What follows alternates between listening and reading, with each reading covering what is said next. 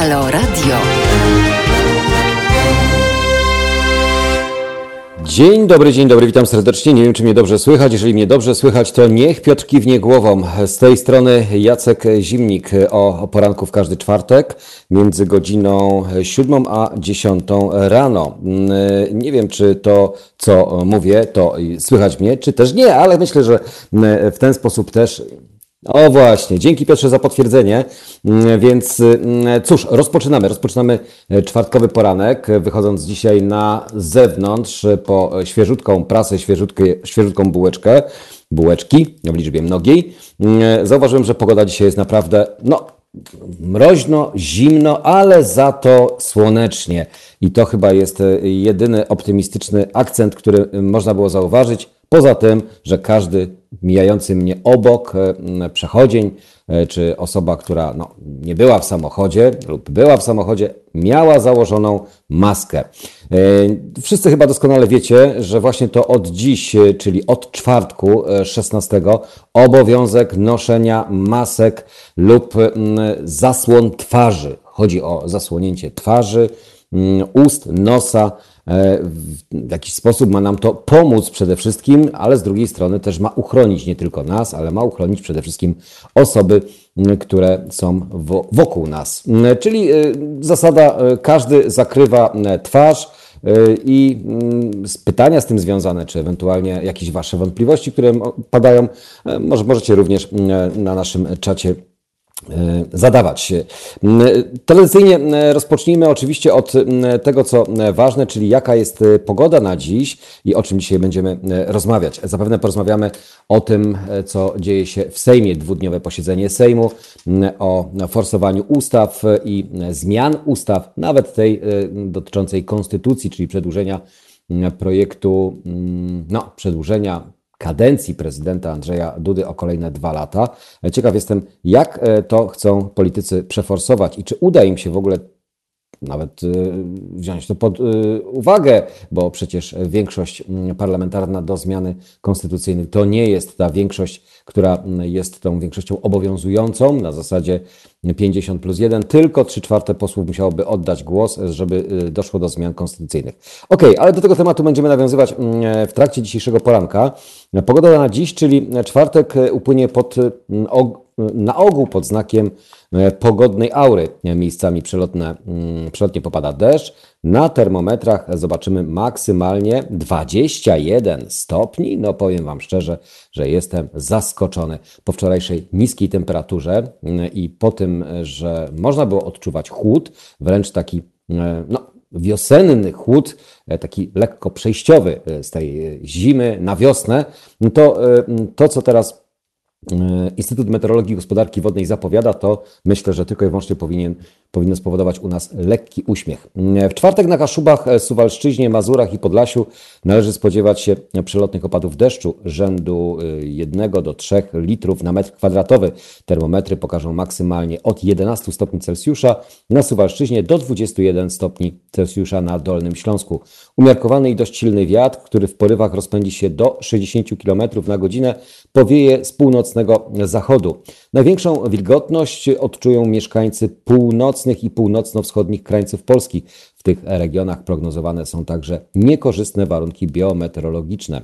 Pogoda korzystnie wpłynie na samopoczucie mieszkańców południa w pasie od ziemi lubuskiej przez centrum po północne strony Lubelszczyzny.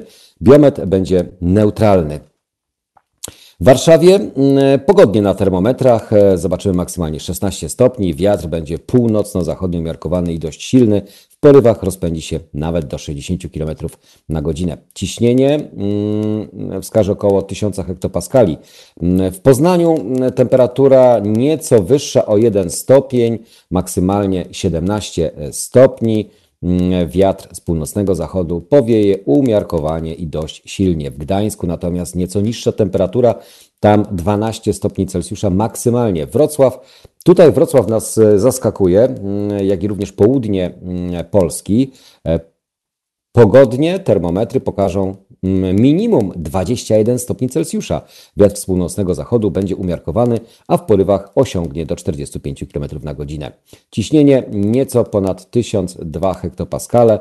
Podobnie również w Krakowie, no chociaż podobnie, jeden stopień niżej, ale jednak w miarę cieplutko. W termometrach e, maksymalna e, temperatura to 20 stopni. Wiatr będzie umiarkowany, dość silny.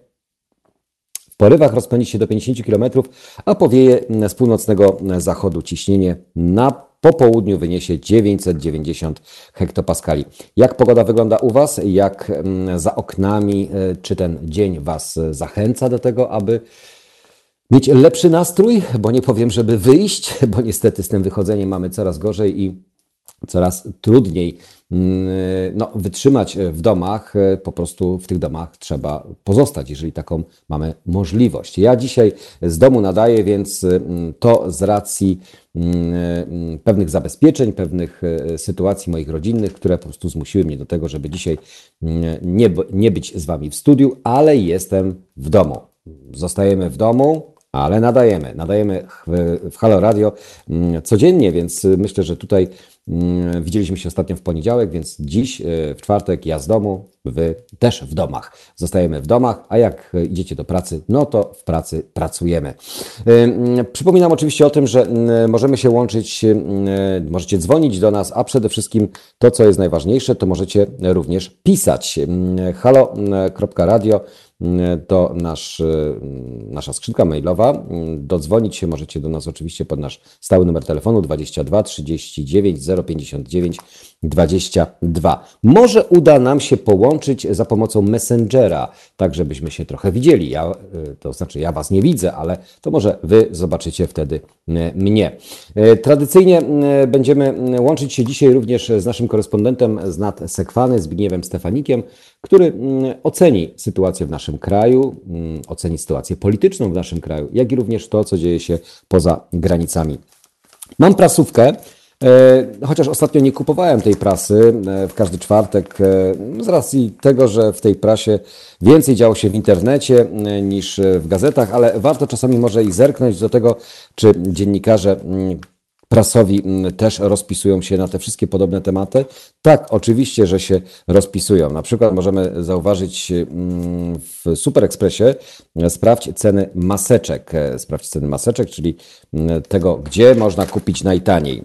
E, są sklepy, gdzie rzeczywiście te maseczki są drogie, a z drugiej strony są takie sklepy, nie wiem czy mogę wymienić, czy też nie, ale w artykułach ona się pojawia, to takie małe, małe, mm, małe zielone, tam one są bardzo tanie, mm, złoty 65 za sztukę, 10 sztuk można kupić jednorazowo.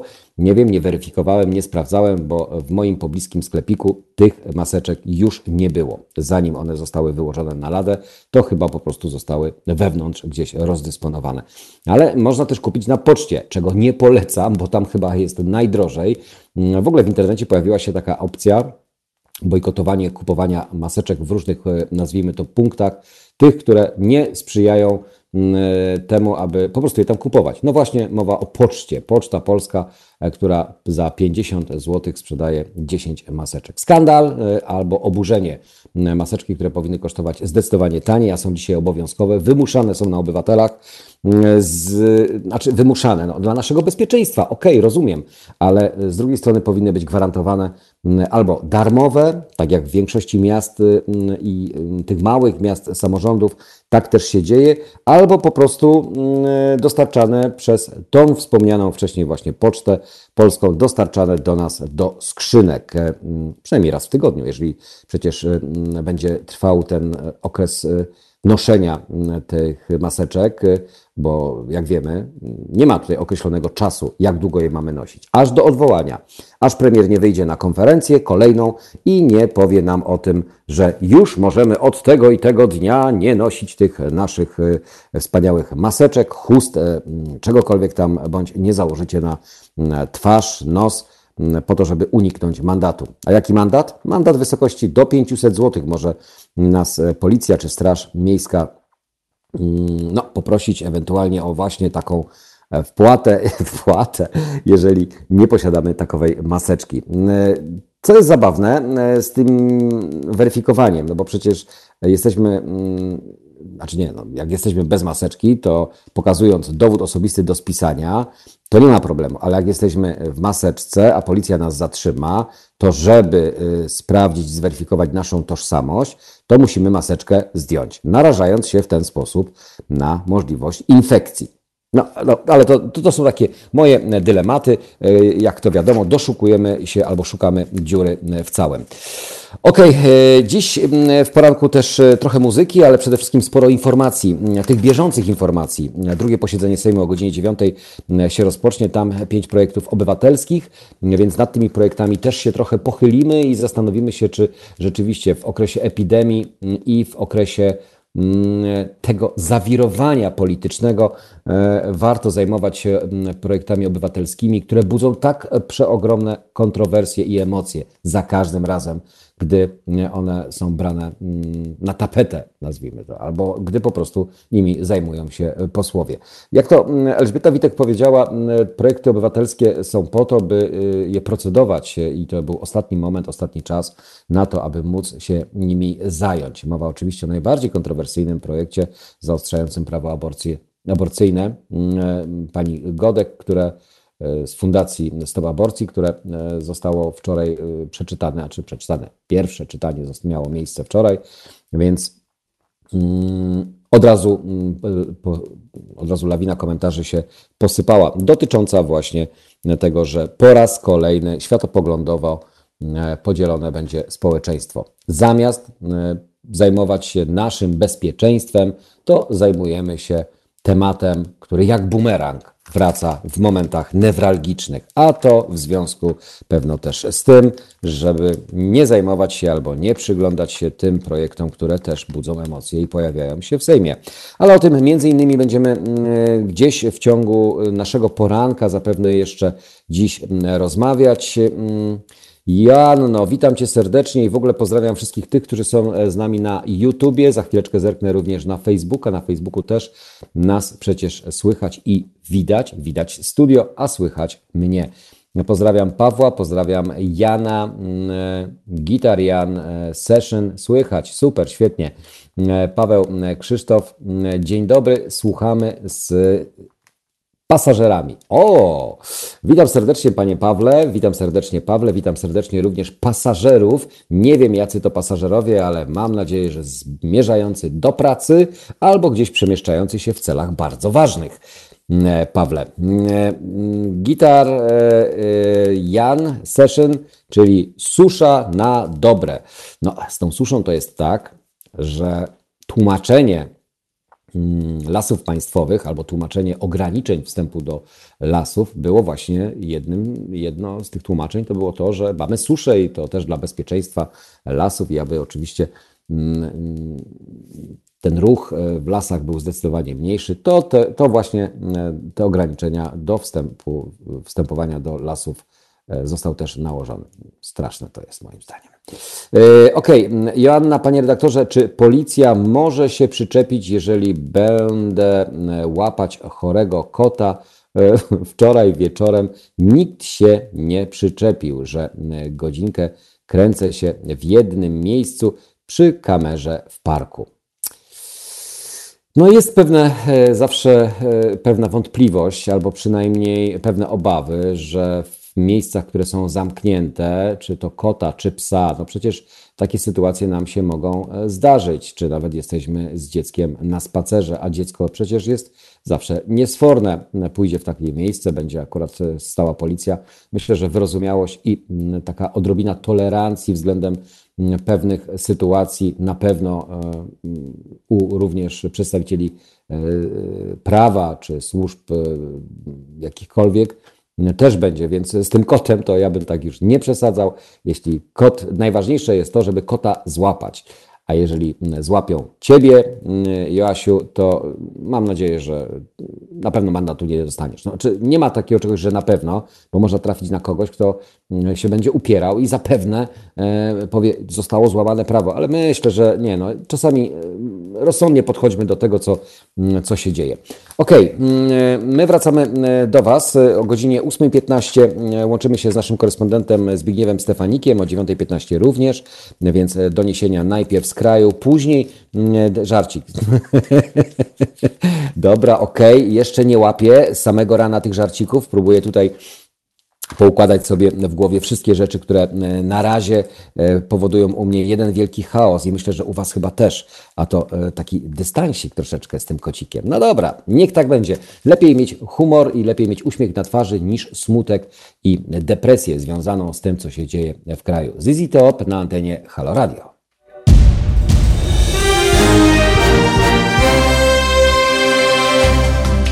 Halo Radio. Pierwsze medium obywatelskie.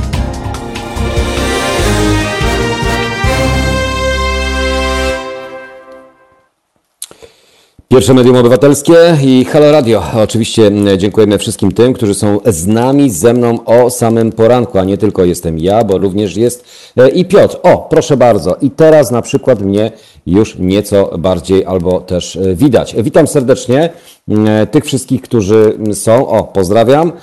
Co zrobić dziś? Dziś, kochani, wychodząc gdziekolwiek na zewnątrz, czyli w miejsce publiczne, musimy mieć coś, uwaga, o, uwaga, e, przepraszam bardzo, bo nie robię to zbyt fachowo, e, na pewno z, z, z tego, z, sanepidu, san, san, sanepidu, epidemiolodzy by powiedzieli, że nieprawidłowo, ale to zanim wyjdę na zewnątrz, mogę jeszcze ją dotykać.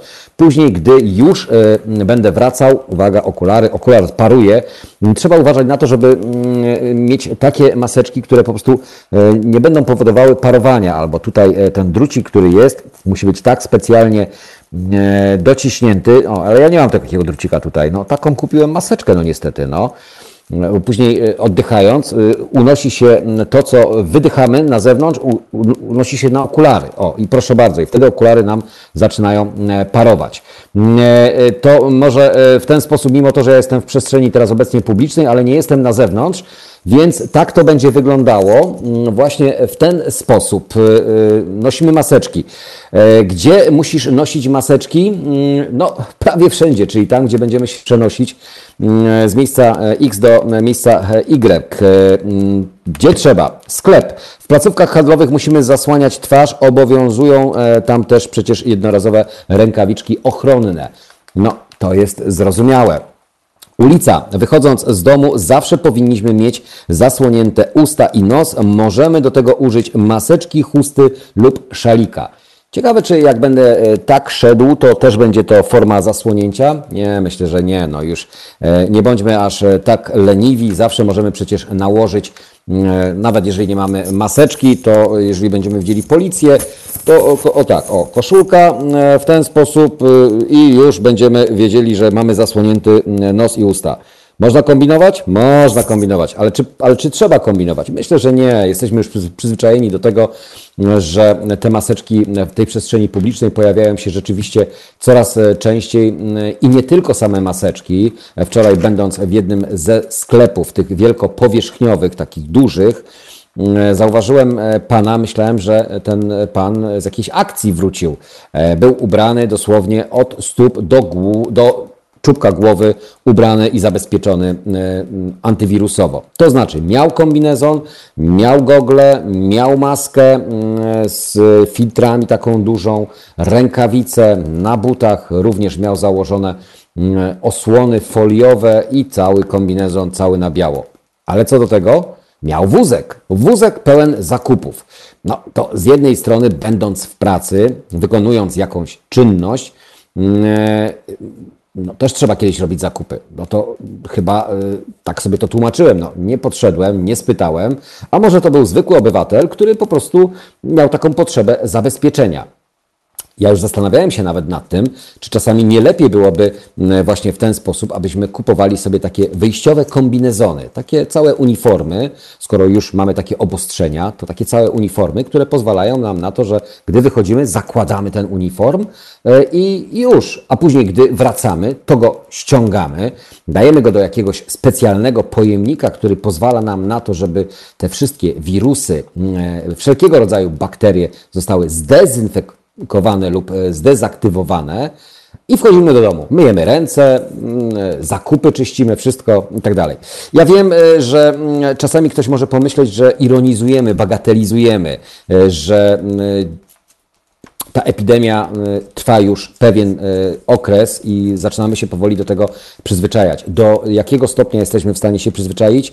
Jak widać, poszczególne kraje testują na nas wszelkie możliwe sposoby ubezwłasnowolnienia nas albo ograniczenia nam normalnego funkcjonowania. Tak ja to przynajmniej odbieram.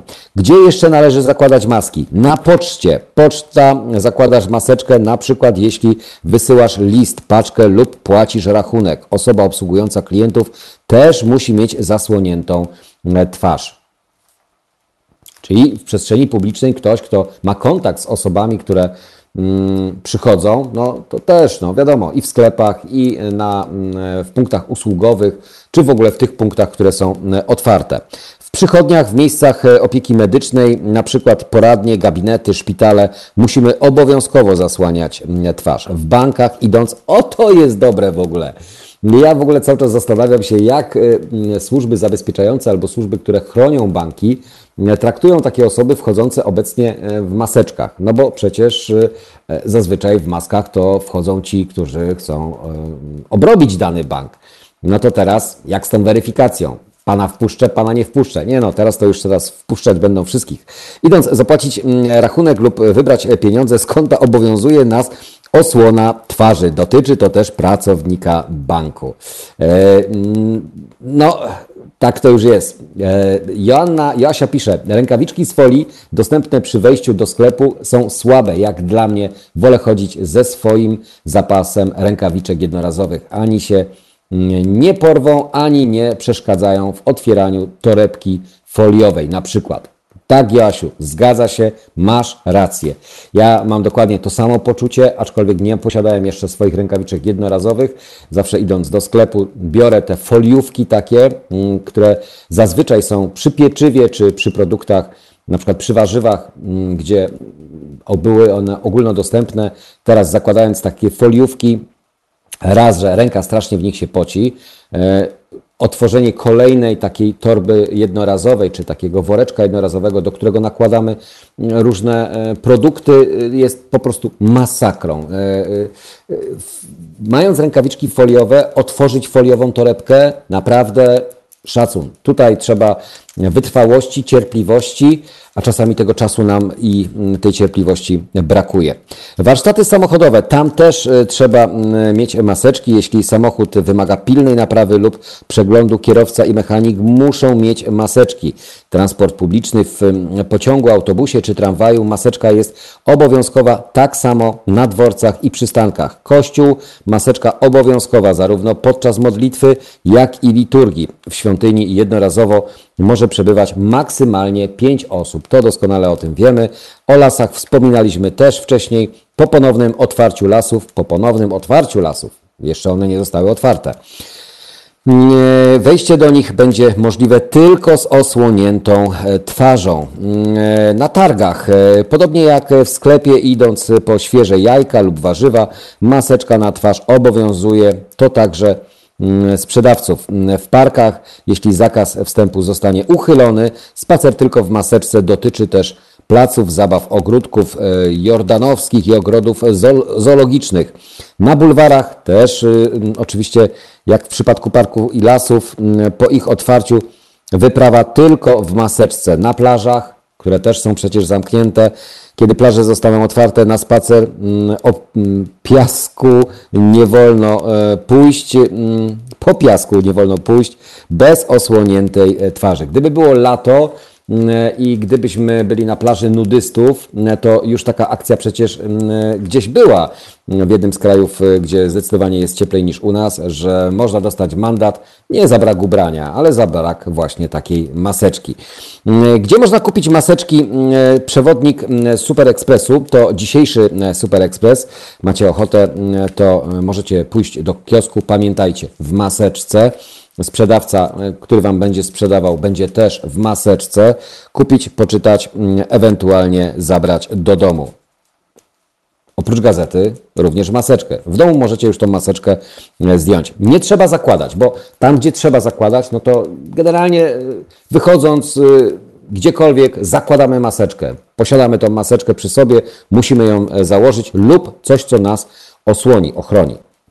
Nie trzeba zakładać. Praca, jeżeli e, nie wymaga ona kontaktu z osobami z zewnątrz, na przykład klientami, maseczka nie jest potrzebna. Dom we własnym domu lub mieszkaniu, chodzenie w maseczce osłaniającej twarz nie jest konieczne i samochód, jeśli jedziemy sami lub z członkiem rodziny, e, z którym mieszkamy wspólnie, maseczka też nie obowiązuje.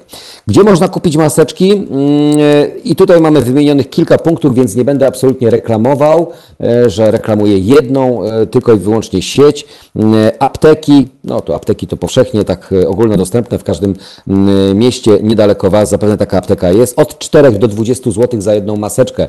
E, urzędy pocztowe, maseczka wielokrotnego użytku 9,99, jedna sztuka.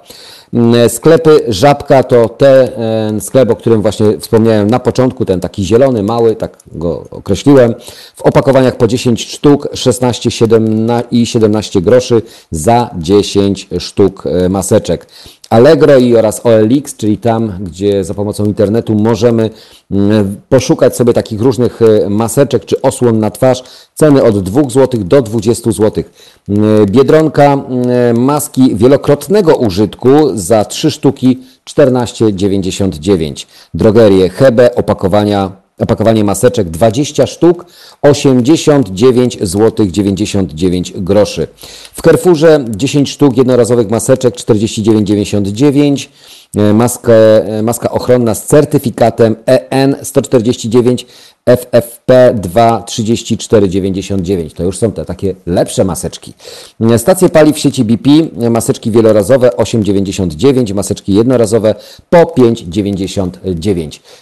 To dostępne są wszędzie. Ja zawsze mówię jedną rzecz. No ktoś traci, ktoś zarabia. Ci, którzy produkują te e, maseczki, to oczywiście mają teraz, nazwijmy to, epidemiologiczne żniwa, mm, no bo ktoś musi je wyprodukować, ktoś musi je dostarczyć, a my obywatele e, w, w określonej liczbie wychodzących na zewnątrz, przemieszczających się, po prostu musimy je posiadać.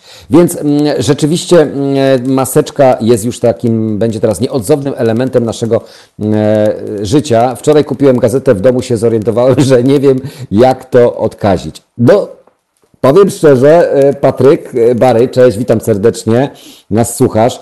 Ja też nie wiem, jakbym miał odkazić tą gazetę, bo za, jak, jeżeli bym ją odkaził, to co z tej gazety by zostało?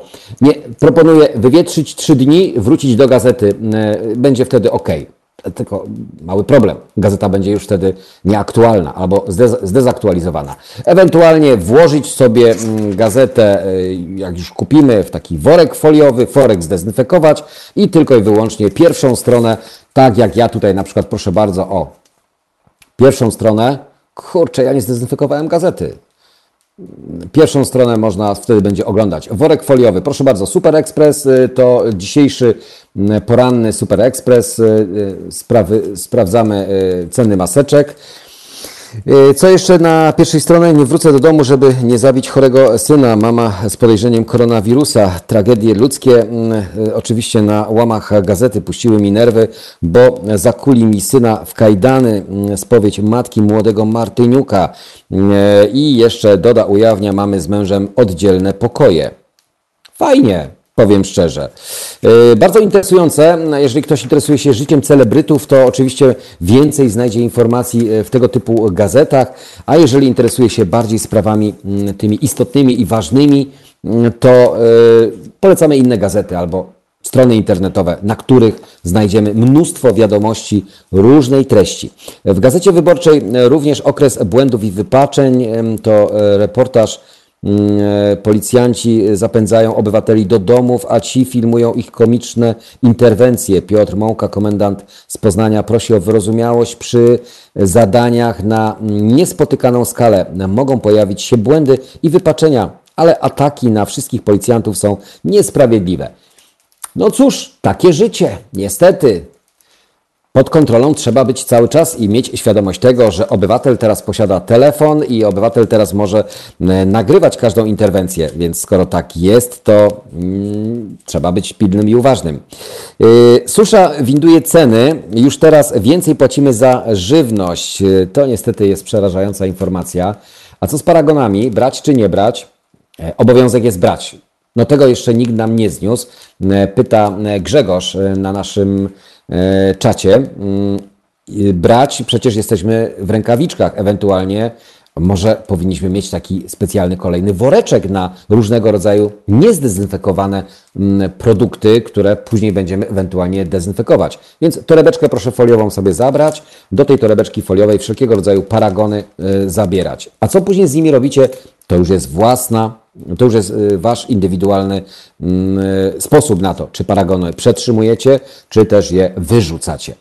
Y, ok, wziąć w rękawiczce, sprawdzić i wywalić. O, Joasia pisze. Joasia jest bardzo aktywna dzisiaj, Joasiu. Witam Cię oczywiście gorąco. Nie wiem, co robisz, czy jesteś w domu, czy może pracujesz. No właśnie, może zdradźcie mi tajemnicę, jak to u Was jest. Pracujecie, siedzicie w domu, czy pracujecie zdalnie? Tak jak ja teraz na przykład, że gdzie niby pracuję, bo przecież pracuję, ale jestem w domu. Taka praca domowa. Domowe odrabianki, mm, e, czytanki na antenie Halo Radio. E, godzina 7.40. Mm, więc e, na pewno jeszcze mm, do tematów związanych z maseczkami, do tematu z ewentualnie jak je nosić. Już wszystkie portale, wszystkie media nas o tym informowały, ale warto przypominać. Warto również przypominać, że będziemy mieli bardzo długi powrót do tak zwanej normalności. Obostrzenia, które na nas są nakładane.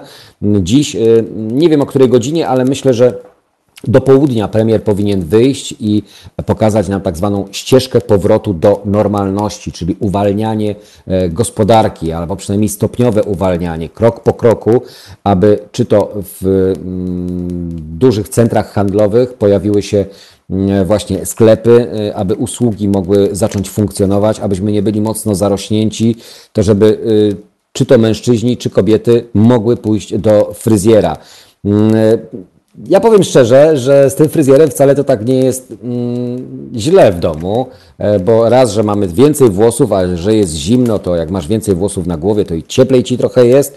A jeżeli masz nastolatków, tak jak ja na przykład, mam dwóch nastolatków, to jeden y, zdecydował się na to, żebym go obciął maszynką. Nie powiem, żeby to było fachowe cięcie, e, trochę mi dziur na początku powychodziło, ale do momentu, kiedy mm, już zszedłem do trójeczki, to się wszystko wyrównało. Pierwszy raz jest zawsze najgorszy. Za pierwszym razem może nie wyjść, później już możemy się wszystkiego nauczyć. Czyli w sytuacjach kryzysowych dajemy sobie jakoś radę.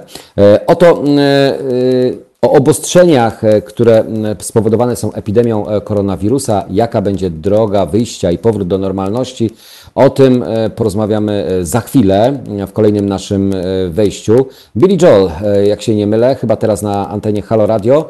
W domu siedzę i motywują, motywuję się na łapanie kota, który pojawił się u mnie na osiedlu. Widać było, że potrzebuje weterynarza. Nie wiem, po czym to e, wnioskowałaś, pewno Joasiu. E, widać było, że potrzebuje weterynarza. Z Halo Radio łatwiej się obudzić. No, super, fajnie, że łatwo się obudzić. Słuchajcie, to, że ja się tak bujam tutaj, to, to nie jest jakiś powód tego, że tak się mocno kręcę. Po prostu przemieszczam się troszkę tak z jednego miejsca na drugie miejsce. To taka nietypowa sytuacja w Halo Radio że z jednej strony nas słyszycie, słyszycie mnie, ale też widzicie i jak widać, można. Szkoda, że jeszcze Was nie widać, bo to też byłaby fajna taka interakcja, gdzie moglibyśmy nie tylko siebie słyszeć, ale również też widzieć, co się dzieje u Was, jak sobie w domach radzicie. Ale może kiedyś uda nam się to zrealizować. Ja sobie, ja sobie teraz radzę samotni nec w czasie epidemii. Aha, nie wiem, nie znam. Dre Hay, ale może coś więcej nam powiesz na ten temat. No wracamy do Was e, dosłownie za kilka minut. Jacek Zimnik do godziny 10 wspólnie z Wami.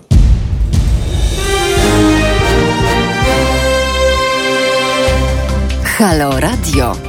Gadamy i trochę gramy.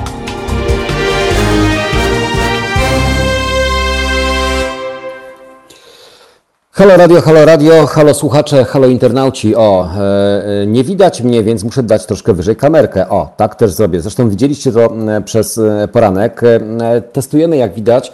Nie jestem pierwszy na naszej antenie, który właśnie w ten sposób z Wami się łączy, ale no jak widać, technologia nam pozwala na to, aby właśnie w ten sposób również funkcjonować i w ten sposób też móc nadawać to, co chcemy Wam przekazać. Tematów jest sporo, zagadnień też jest mnóstwo, więc nie ograniczajmy się, mimo to, że mamy wszelkiego rodzaju ograniczenia, które powodują u nas pewien dyskomfort. Jak to będzie z tym powrotem do normalności, o tym, o czym wcześniej rozmawialiśmy, okazuje się, że od wielu dni zamknięci w domach Polacy chcieliby wreszcie móc pójść na spacer do lasu lub choćby choćby na, do najbliższego parku. Te y, lada moment y, znów y, mają podobno być otwarte, tak przynajmniej czytamy.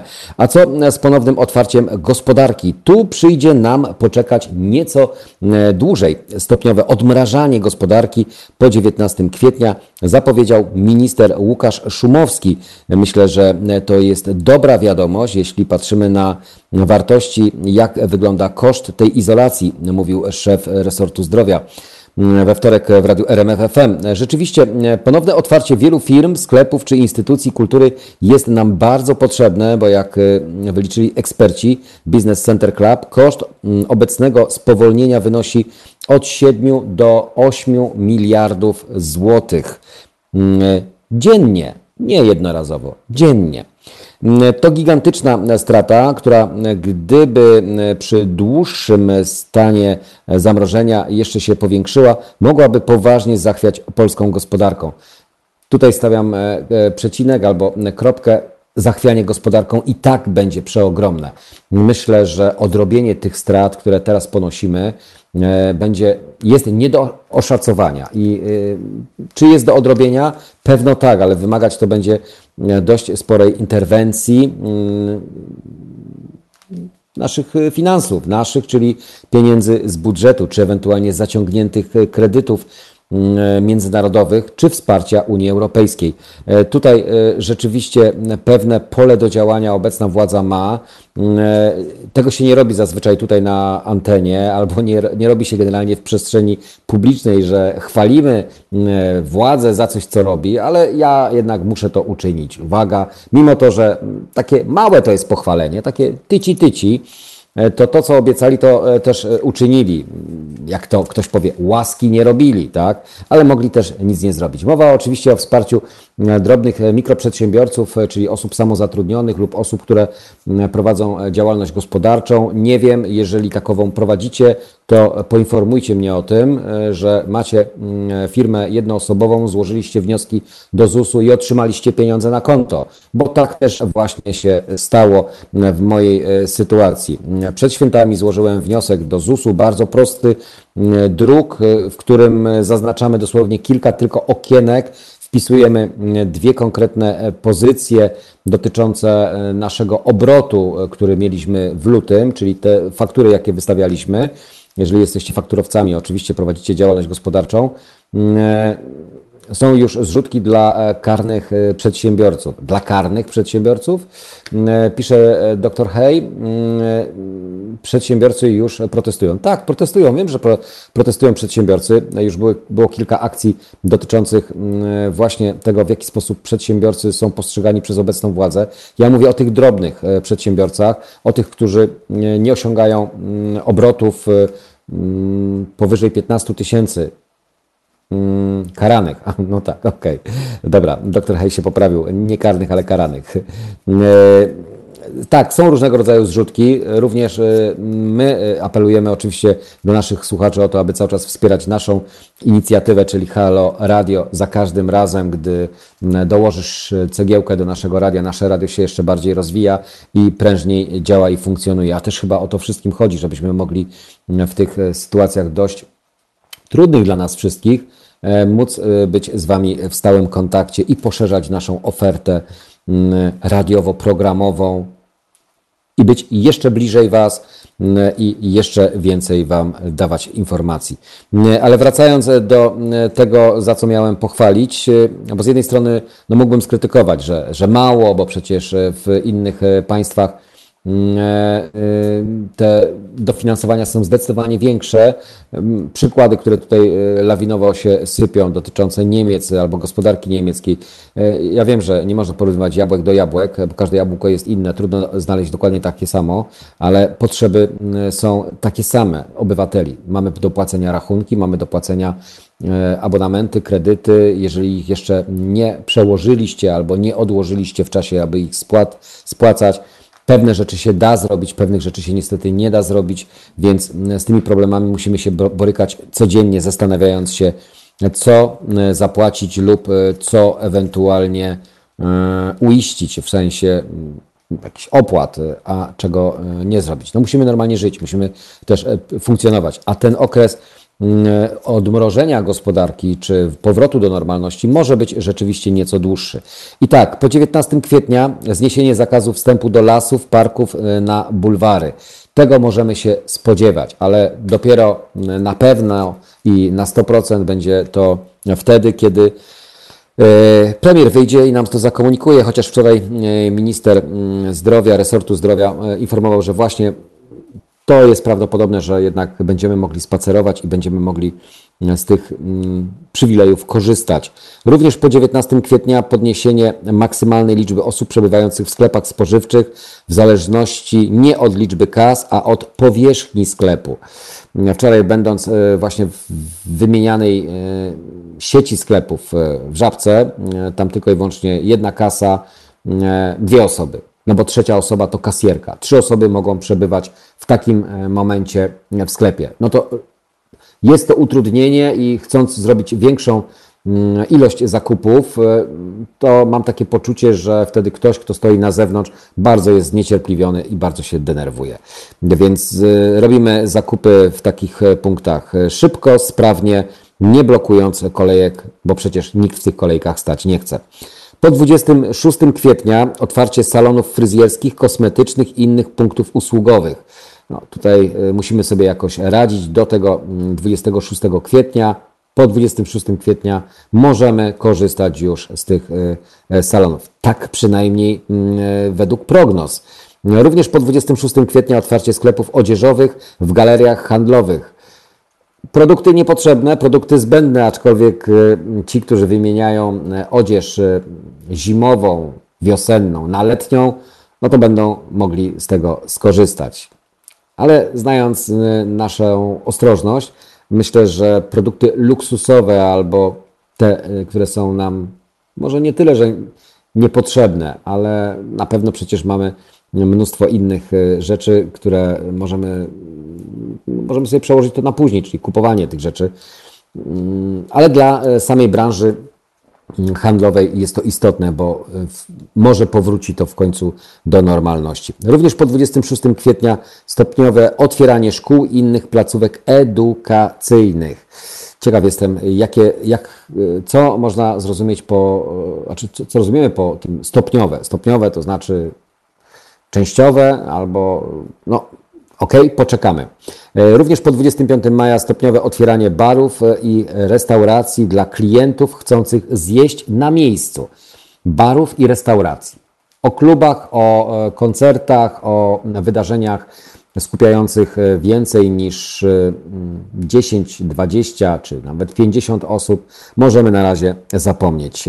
Z takich informacji, które gdzieś oczywiście w sieci krążą, branża artystyczna, branża eventowa, Myślę, że w tym roku naprawdę musi chyba się przebranżowić, bo szanse na to, aby normalnie funkcjonować czy wrócić do tego, co było, są bardzo niewielkie. A szczyt zachorowań, mm, który jest zapowiadany przez analityków, może mieć swoje, swój tak zwany ten właśnie szczyt wspomniany już niebawem, za tydzień. E, w trudnych czasach pandemii koronawirusa cała Polska z niecierpliwością wypatruje dobrych wieści. To te dobre wieści były przed chwilą. Mm, nadzieje e, mogą przywrócić matematyczne wyliczenia analityków z firmy Xmetrix. Ci obliczyli, że szczyt zachorowań czeka nas już za tydzień. Potem wszystko ma wyhamować. Dotychczasowe prognozy dotyczące pandemii sprawdziły się w 95%. Do analiz wykorzystano sztuczną inteligencję. Pod uwagę bierze się takie czynniki jak dotychczasowy przebieg pandemii, poziom restrykcji stosowany przez władze i przestrzeganie ich przez obywateli i tak do maksimum zachorowań wynoszącego około 9 tysięcy potwierdzono uwaga, dziś nowe nakazy. Taką informację przed chwileczką w pop-upie dostałem yy, na komputerze, bo też na bieżąco śledzę wszystko to, co się dzieje. Staram się przynajmniej Wam przekazywać też te informacje, yy, więc ciekawe, jakie to nowe obostrzenia, czy to w kraju, czy poza granicami. Wracam do artykułu. Czyli mówimy o tym modelu matematycznym, który na poziomie 9 tysięcy potwierdzonych przypadków zachorowań ma dojść, uwaga, w okolicach około 25 kwietnia. W opinii Ryszarda Łukosia, głównego analityka firmy Xmetrix, w najbliższych dniach będziemy odnotowywać przyrost zachorowań nawet do 500 osób dziennie. Należy pamiętać, że model e, pokazuje prognozę, która nie jest odporna na nagłe rozluźnienie dyscypliny, komentuje. Niezmiennie uważamy, że jedyny, mm, jedyny, e, e, uwaga, niezmiennie uważany, że jedyny, jedynym z kluczowych elementów skutecznej walki z koronawirusem jest dyscyplina w przestrzeganiu wprowadzanych ograniczeń, podsumowuje mm, analityk. Chris Ria się pojawił teraz, że za chwileczkę będzie na antenie Halo Radio mm, i myślę, że to jest chyba najlepsze rozwiązanie. To znaczy obostrzenia obostrzeniami, rozluźnienia rozluźnieniami, a teraz czas na chwilę relaksu, muzycznego relaksu z nami. Chris Ria na antenie Halo Radio.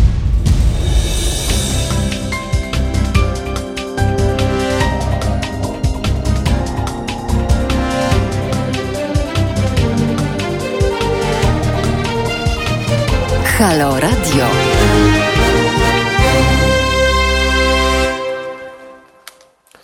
Halo, halo radio, halo radio, halo słuchacze, tu e, halo e, radio, czyli wolne od zakażeń, od no, nazwijmy to e, głupoty, e, przede wszystkim politycznej głupoty, której e, staramy się unikać codziennie, chociaż dostarczają nam politycy naprawdę tematów, o których moglibyśmy rozmawiać godzinami i też właśnie dlatego godzinami rozmawiamy. Od 7 do 10 mm, dzisiaj wspólnie ze mną poranek. Urny wyborcze na ulicach to temat, który E, budzi e, emocje, a to takie propozycje się pojawiają odnośnie właśnie tego, e, co powoduje u nas czasami uśmiech albo skrzywienie. A skrzywienie dlaczego? Dlatego, że w ogóle ten temat jest poruszany. Wykorzystywanie dotychczasowych urn wyborczych jako skrzynek odbiorczych przy głosowaniu korespondencyjnym. Takie częstochowskie rymy tutaj się pojawiają w artykule, to jeden z pomysłów ministra aktywów państwowych Jacka Sasina, odpowiedzialnego za organizację majowych wyborów forsowanych właśnie przez Prawo i Sprawiedliwość. Czytamy dziś na łamach e, Gazety Wyborczej. W, środek, e, w środę marszałek Sejmu e, Elżbieta Witek nie zostawiła złudzeń. Wybory 10 maja mają się odbyć. Demokracja wymaga, by najważniejszych wyborów bo wybieramy głowę państwa, która jest przedstawicielem całego narodu, gwarantuje ciągłość państwową, nie traktować mm, nonszalancko, tak jak chciałaby to opozycja, stwierdziła przed posiedzeniem Izby Niższej. E, skąd e, weźmiecie e, w tak krótkim czasie skrzynki pocztowe, do których mają być wrzucane karty w trakcie korespondencyjnego głosowania? Pyta e, dziennikarz jednego z urzędników resortu aktywów państwowych, któremu podlega Poczta Polska. Jest e, prosty pomysł. Mm, wykorzystamy urny tych komisji, które będą zamknięte. To przecież gotowe skrzynki, a nikt nie powiedział, że muszą stać w lokalach wyborczych. Tym bardziej, że lokale będą zamknięte, mm, e, mówił rozmówca. Na razie pomysł nie został zgłoszony oficjalnie. To e, jedna z możliwych opcji. Jest w fazie wewnętrznej dyskusji, twierdzi rozmówca. Tylko 14,5 tysiąca skrzynek, brak odpowiedniej liczby skrzynek pocztowych to jeden z wielu problemów, które władza musi pokonać, by przeprowadzić w maju korespondencyjne wybory prezydenckie. Dotychczas głosy można było oddać w ponad 27 tysiącach obwodowych komisji wyborczych. Skrzynek pocztowych w całej Polsce jest zaś tylko 14,5 tysiąca. Szczerze powiedziawszy, mm, nie pamiętam i e, nie wiem, gdzie tak, takowe skrzynki są. Zazwyczaj skrzynka pocztowa zawsze była przy poczcie. E, jeżeli gdzieś znajdują się, to nigdy na to nie zwracałem uwagi. Taka informacja powinna się też pojawić pewno na stronach internetowych, ale przecież nie wszyscy korzystają z internetu, więc w jaki sposób społeczeństwo zostanie poinformowane o tych wszystkich punktach? Nie wiem, nie wiem. E, ale naprawdę mm, gratuluję panu koordynatorowi, który będzie odpowiedzialny za to, czyli panu Jackowi e, Sasinowi, mojemu imiennikowi. E, trzeba mieć naprawdę niezłe kochones, żeby to wszystko ogarnąć. Według przyjętych w Sejmie mm, przez PiS przepisów na kilka dni przed wyborami obywatel, uprawnio, obywatele uprawnionych osób do głosowania jest przecież prawie 30 milionów. Mają do swoich zwykłych skrzynek na listy dostać pakiety wyborcze każdy ma obowiązek posiadania takiej skrzynki, a za jej brak grozi, uwaga, kara do 10 tysięcy złotych. Że co? Skrzynkę, aha, no tak, skrzynkę na listy. Chyba, że tak. Pakiet ma się składać z dwóch kopert, karty do głosowania i oświadczenia. Kartę po wypełnieniu należy włożyć do koperty, na głos. Potem trzeba wypełnić oświadczenie o tym, że głosowanie odbyło się osobiście i w trybie tajnym. Obowiązkowy jest PESEL i dane wyborcy. Potem całość pakuje się do drugiej koperty i zanosi właśnie do skrzynki odbiorczej Poczty Polskiej, e, które mają być e, opróżniane co trzy godziny i zwożone do liczenia w gminnych komisjach wyborczych. Skrzynki pocztowe jednak odpadły i teraz na fali jest pomysł wykorzystania urn. No, pamiętacie te urny, takie przeźroczyste, do których będzie można wkładać. Kto tych urn będzie pilnował? Okazuje się, że ujednolicone wzory urn zostały wprowadzone w 2016 roku.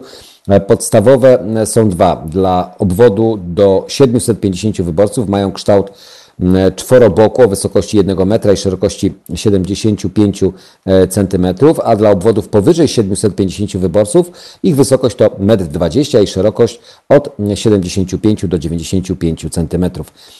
Materiał to przezroczysty poliwęglan, czyli plexi o grubości ścianki 3 mm.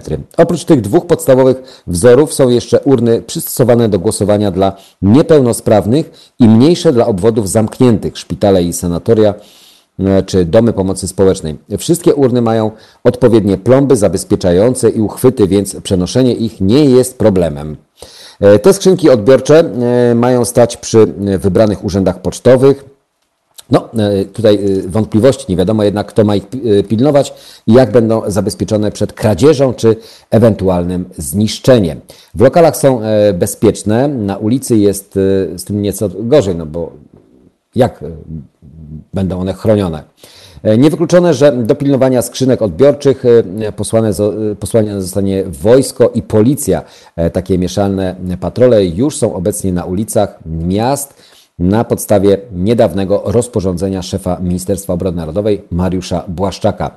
Jak dokładnie będzie wyglądać proces e, odbierania kart i przewożenia do komisji liczących głosy, dowiemy się z rozporządzenia kilku ministrów, głównie właśnie wspomnianego wcześniej cytowanego również Jacka e, Sasina.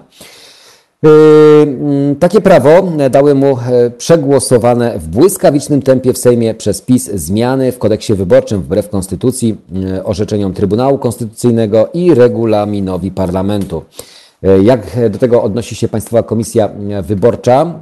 Państwowa Komisja Wyborcza na razie działa tak, jakby głosowanie w maju miało odbyć się normalnie w lokalach wyborczych, bo zmiany w kodeksie wyborczym na razie nie weszły w życie. Są w Senacie, w którym opozycja ma minimalną przewagę i 30 dni na zajęcie się projektem PiS. To tylko e, potęguje chaos. E, Tomasz Grzelewski, nasz kolega z Superstacji, teraz obecnie rzecznik Państwowej Komisji Wyborczej, mówi nam, że na razie Państwowa Komisja Wyborcza nie dostała zapytania o możliwość wykorzystania urn. Podkreśla, że komisja nie jest ich właścicielem. E, czy, skrzynkę, czy skrzynek odbiorczych mogą pilnować obywatele, którzy zgłosili się do pracy w komisjach? Nie ma takiej możliwości, odpowiedział Grzelewski. Dodaje, że na razie do pracy w komisjach obwodowych mm, na wciąż obowiązujących zasadach zgłosiło się 98 tysięcy osób, czyli 40% tych, którzy są potrzebni do przeprowadzenia wyborów w trybie stacjonarnym. Mm, część chętnych będzie zapewne skierowana do pracy w komisjach, które będą liczyły głosy, jeśli przepisy PiS wejdą w życie. Przewidziano jedną komisję na 50 tysięcy mieszkańców, czyli w sumie będzie ich 600 w całym kraju. Tam e, zresztą też pojawi się problem techniczny z urnami na głosy, które mają być wrzucane do nich. Po wyjęciu z pakietów wyborczych zapewne nie wystarczą istniejące urny, które i tak czasem trzeba mm, było opróżniać w trakcie głosowania. Wzoru nowych, większych urn na razie nie ma. Dużo pytań, mało odpowiedzi, sporo wątpliwości. E, to wszystko mm, jest y, dla mnie powodem do jednego wielkiego chaosu, który rzeczywiście funkcjonuje, a to w związku z tym, że władza, czyli Prawo i Sprawiedliwość, strasznie, strasznie ciśnie na te wybory, mm, aby one się odbyły i aby rzeczywiście mm, można było kontynuować władzę.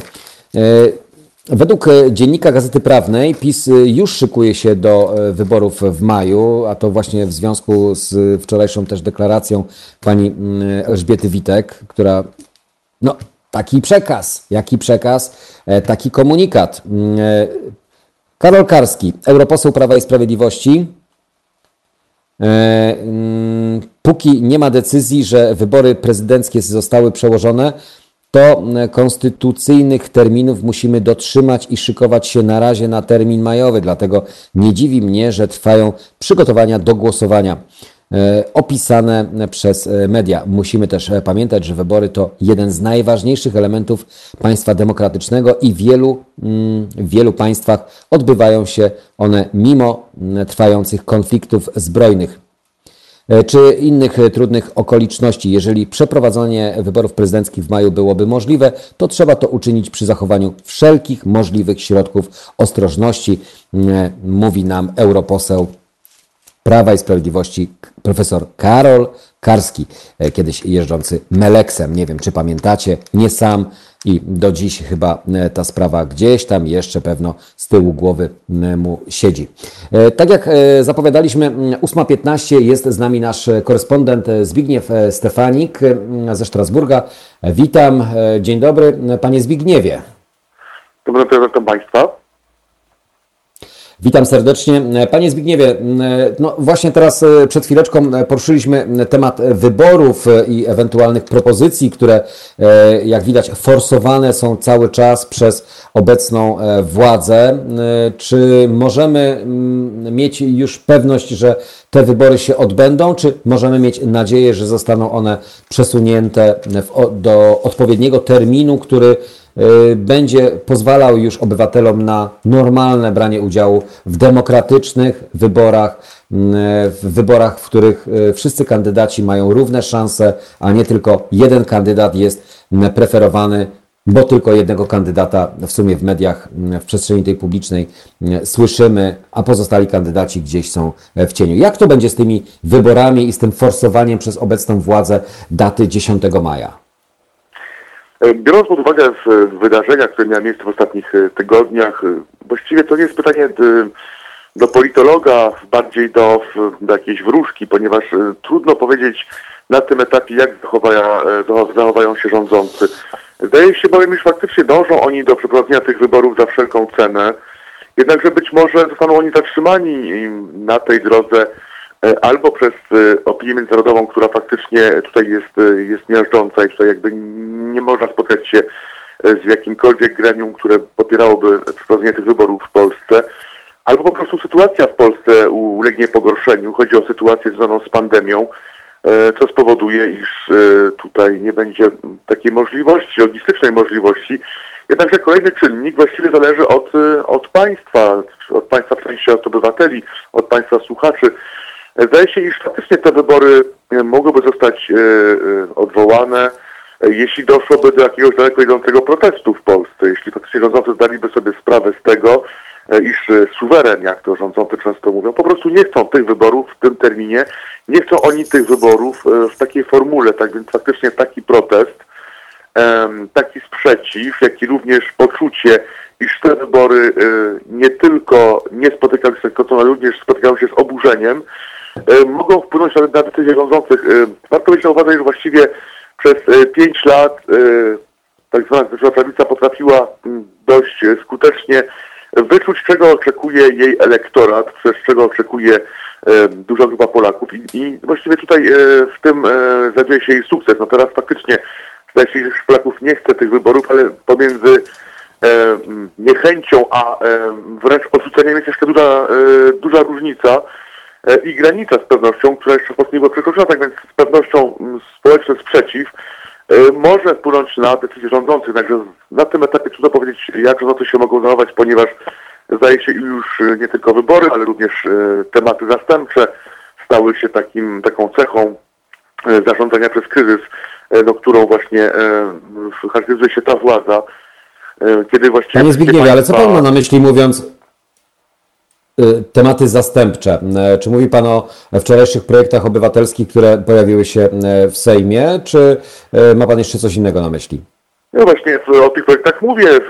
Faktycznie zdaje się, iż te projekty musiały podać, być podane debacie, ponieważ mijał termin i procedowanie, także to rządzący ustalają um, terminy de, debaty um, wszystkich projektów i zdaje się, iż projekt ten był w zamrażalce E, sejmowej od kilku, kilkunastu miesięcy. Rządzący więc uznali, że będzie to dobry moment, aby właśnie ten projekt odmrozić. E, I osobiście tutaj przed rozmową z Państwem zadawałem sobie pytanie jeszcze, ile tematów zastępczych w Polsce może jeszcze być. Na przykład można założyć taką sytuację, że sami rządzący złożą do Radki Marszałkowskiej, czy też jakiś, jakaś grupa społeczna projekt dotyczący związków partnerskich, po to właśnie, żeby go odrzucić. Kolejny temat zastępczy tak więc e, zdaje się, iż to wszystko właściwie pokazuje, iż partia PiS e, nie jest partią e, przygotowaną na rządzenie w kryzysie. Otóż jest to partia, której rządziło się, mówiąc kolokwialnie, dobrze w sytuacji prosperity, kiedy faktycznie przychody do budżetu były dość istotne, kiedy było tak naprawdę wiele możliwości, aby finansować swoje grupy wyborcze. Jednak nie jest to partia, która ma pomysł na to, jak zarządzać w sytuacji kryzysu.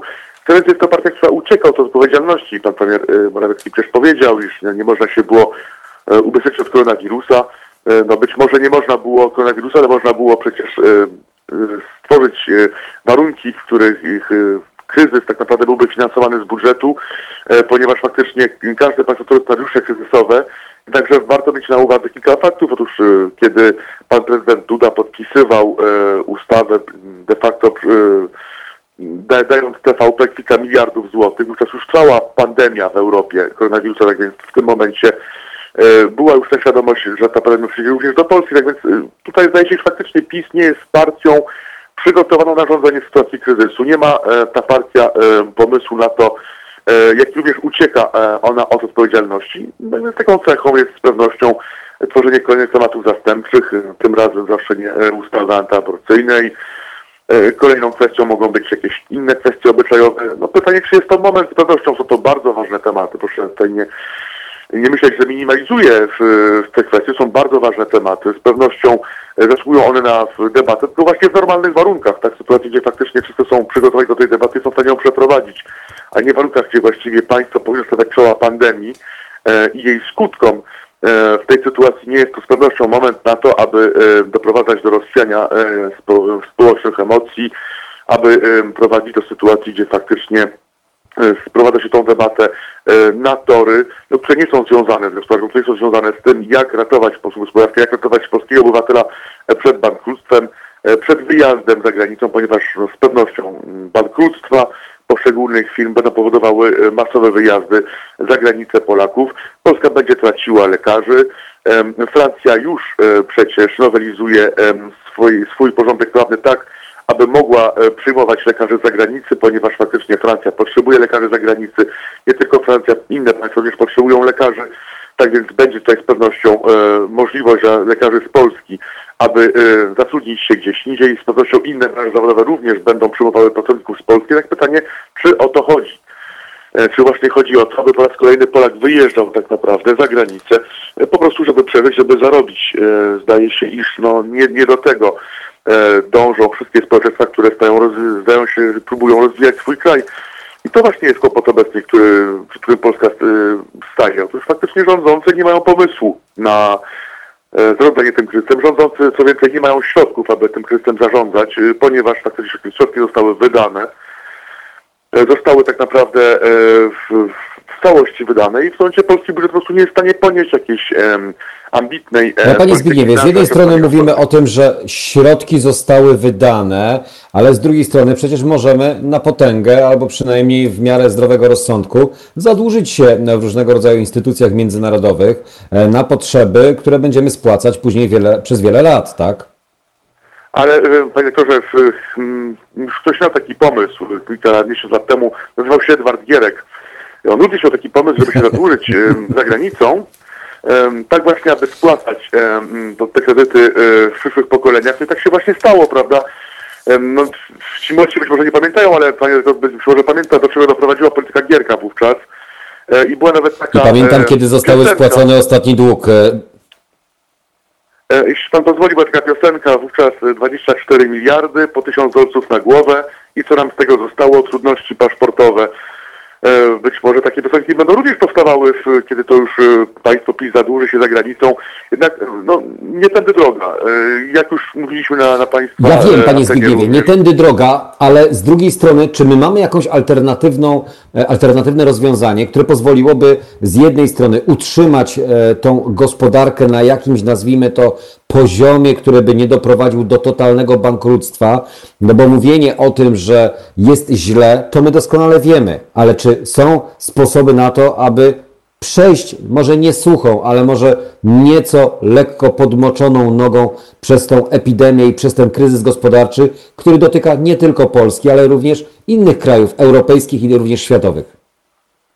No takim sposobem jest na przykład nie konfliktować się z Unią Europejską i e, trzymać się możliwie jak najbliżej e, strefy euro, ponieważ jak już mówiliśmy, to właśnie strefa euro będzie e, motorem, głównym stymulusem ratunku gospodarki europejskiej.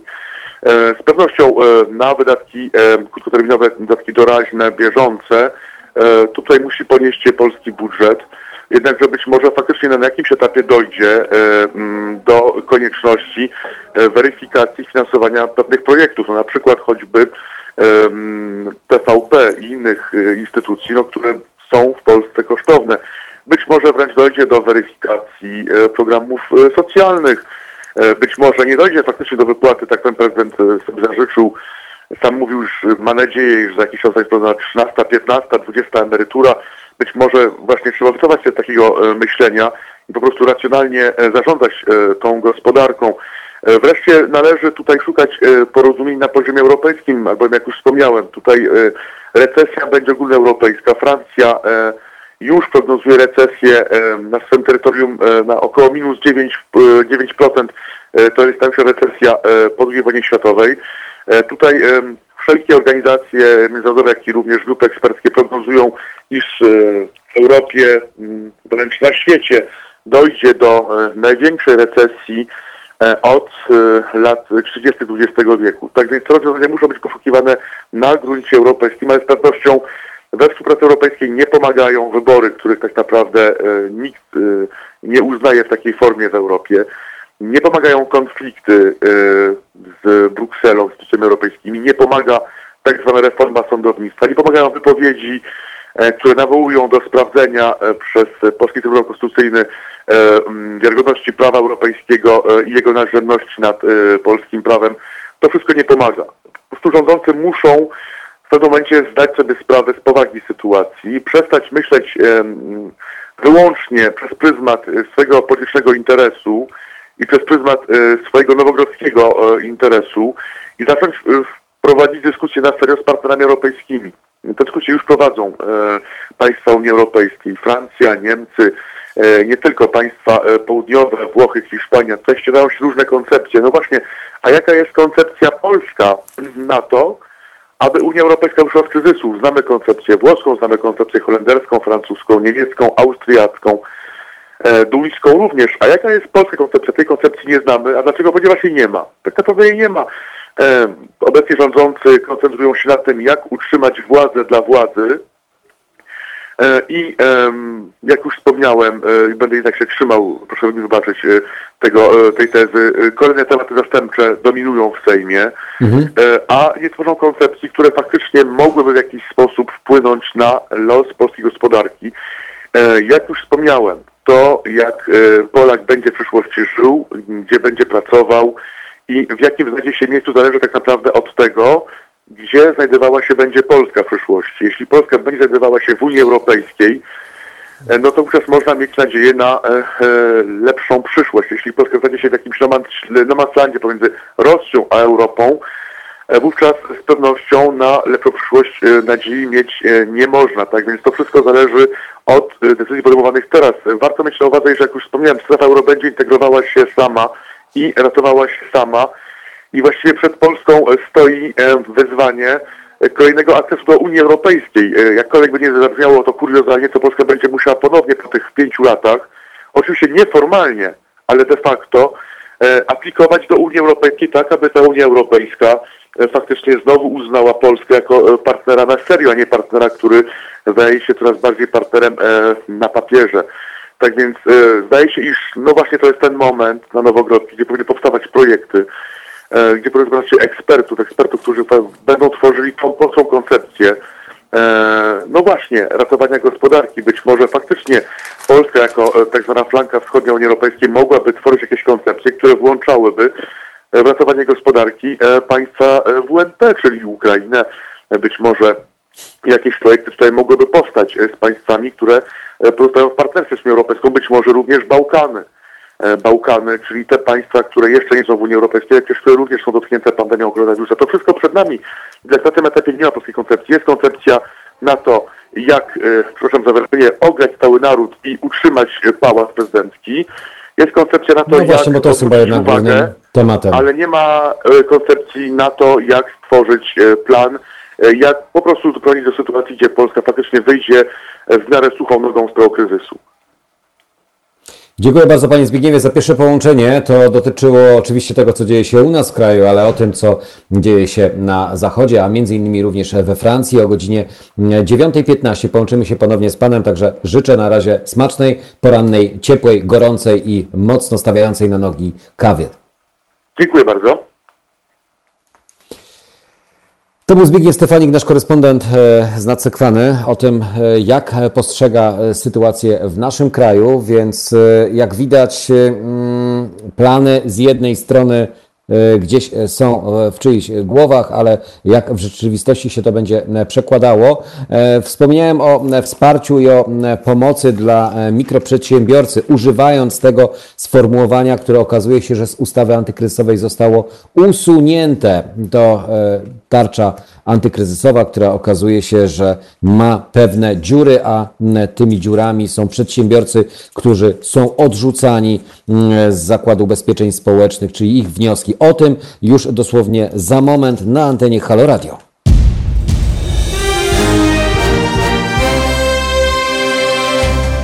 Halo Radio. Gadamy i trochę gramy.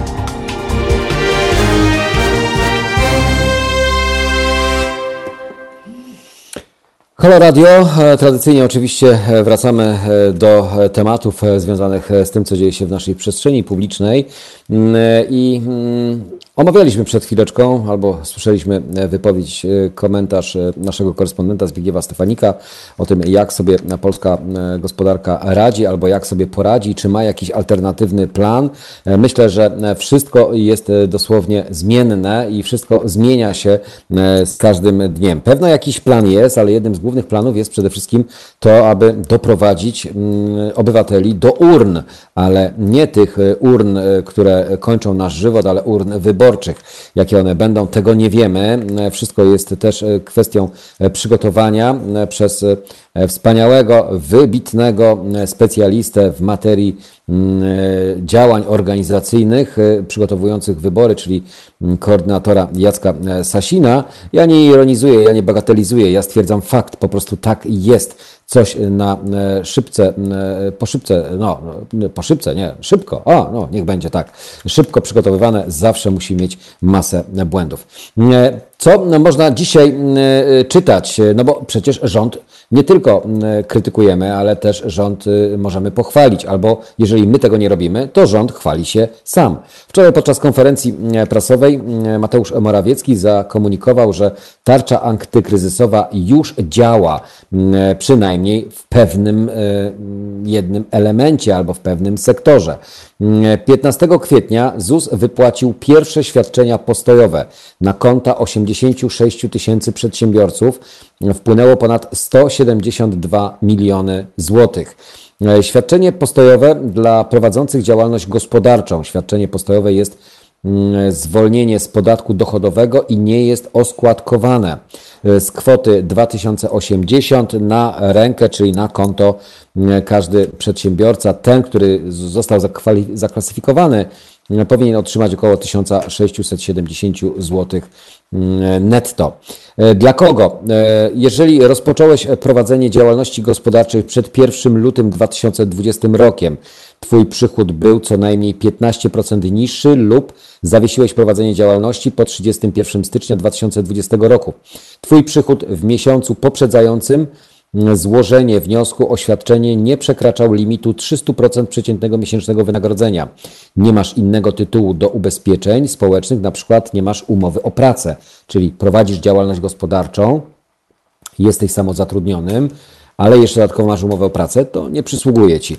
Kiedy można złożyć wniosek? Mm, jeżeli go jeszcze nie złożyliście, to jest jeszcze taka szansa.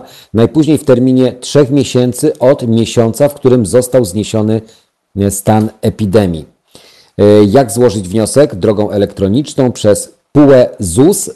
Wchodzimy Mm, e, i tam za pomocą zakładek dochodzimy do momentu, gdzie ten dokument możemy złożyć. Warto pamiętać o tym, aby taki dokument sobie ściągnąć, a później dodać go jako załącznik. Ten dokument, mm, który uchyla mm, na przykład ZUS, jeżeli chcemy e, o to się starać, to ten załącznik najlepiej sobie skopiować, żeby mieć potwierdzenie, że takowy dokument został mm, wysłany drogą elektroniczną.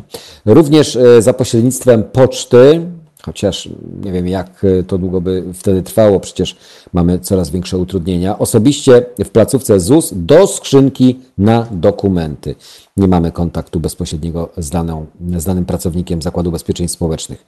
Do 15 kwietnia e, do ZUS wpłynęło 783 tysiące wniosków w tym 542 096 zwolnień z obowiązku opłacenia należności z tytułu składek za marzec, maj 2020 roku, 66 212 pożyczek dla mikroprzedsiębiorców, 15 668 odroczeń składek ZUS bez opłat, 138 tysięcy 27 świadczeń postojowych dla osób prowadzących działalność gospodarczą, 12 tysięcy jeden świadczeń postojowych dla umów cywilnoprawnych i 9673 wnioski o wsparcie na ochronę miejsc pracy. E, można się połączyć oczywiście z dedykowaną infolinią, jeżeli macie jakieś jeszcze wątpliwości lub pytania lub czegoś nie wiecie, to dedykowana linia lub za pomocą strony, e, czyli tarcza antykryzysowa może pomóc Tobie również taka strona gov.pl, tarcza antykryzysowa, ukośnik tam wcześniej po stronie po gov.pl, ukośnik tarcza antykryzysowa, ale myślę, że każdy zainteresowany na pewno już takowe informacje posiada, a w gronie to, tych, nazwijmy to przedsiębiorców, użyłem na początku dzisiejszej naszej porannej audycji słowa, że wsparcie dla mikroprzedsiębiorców. Okazuje się, że z ustawy antykryzysowej usunięto słowo mikroprzedsiębiorcy.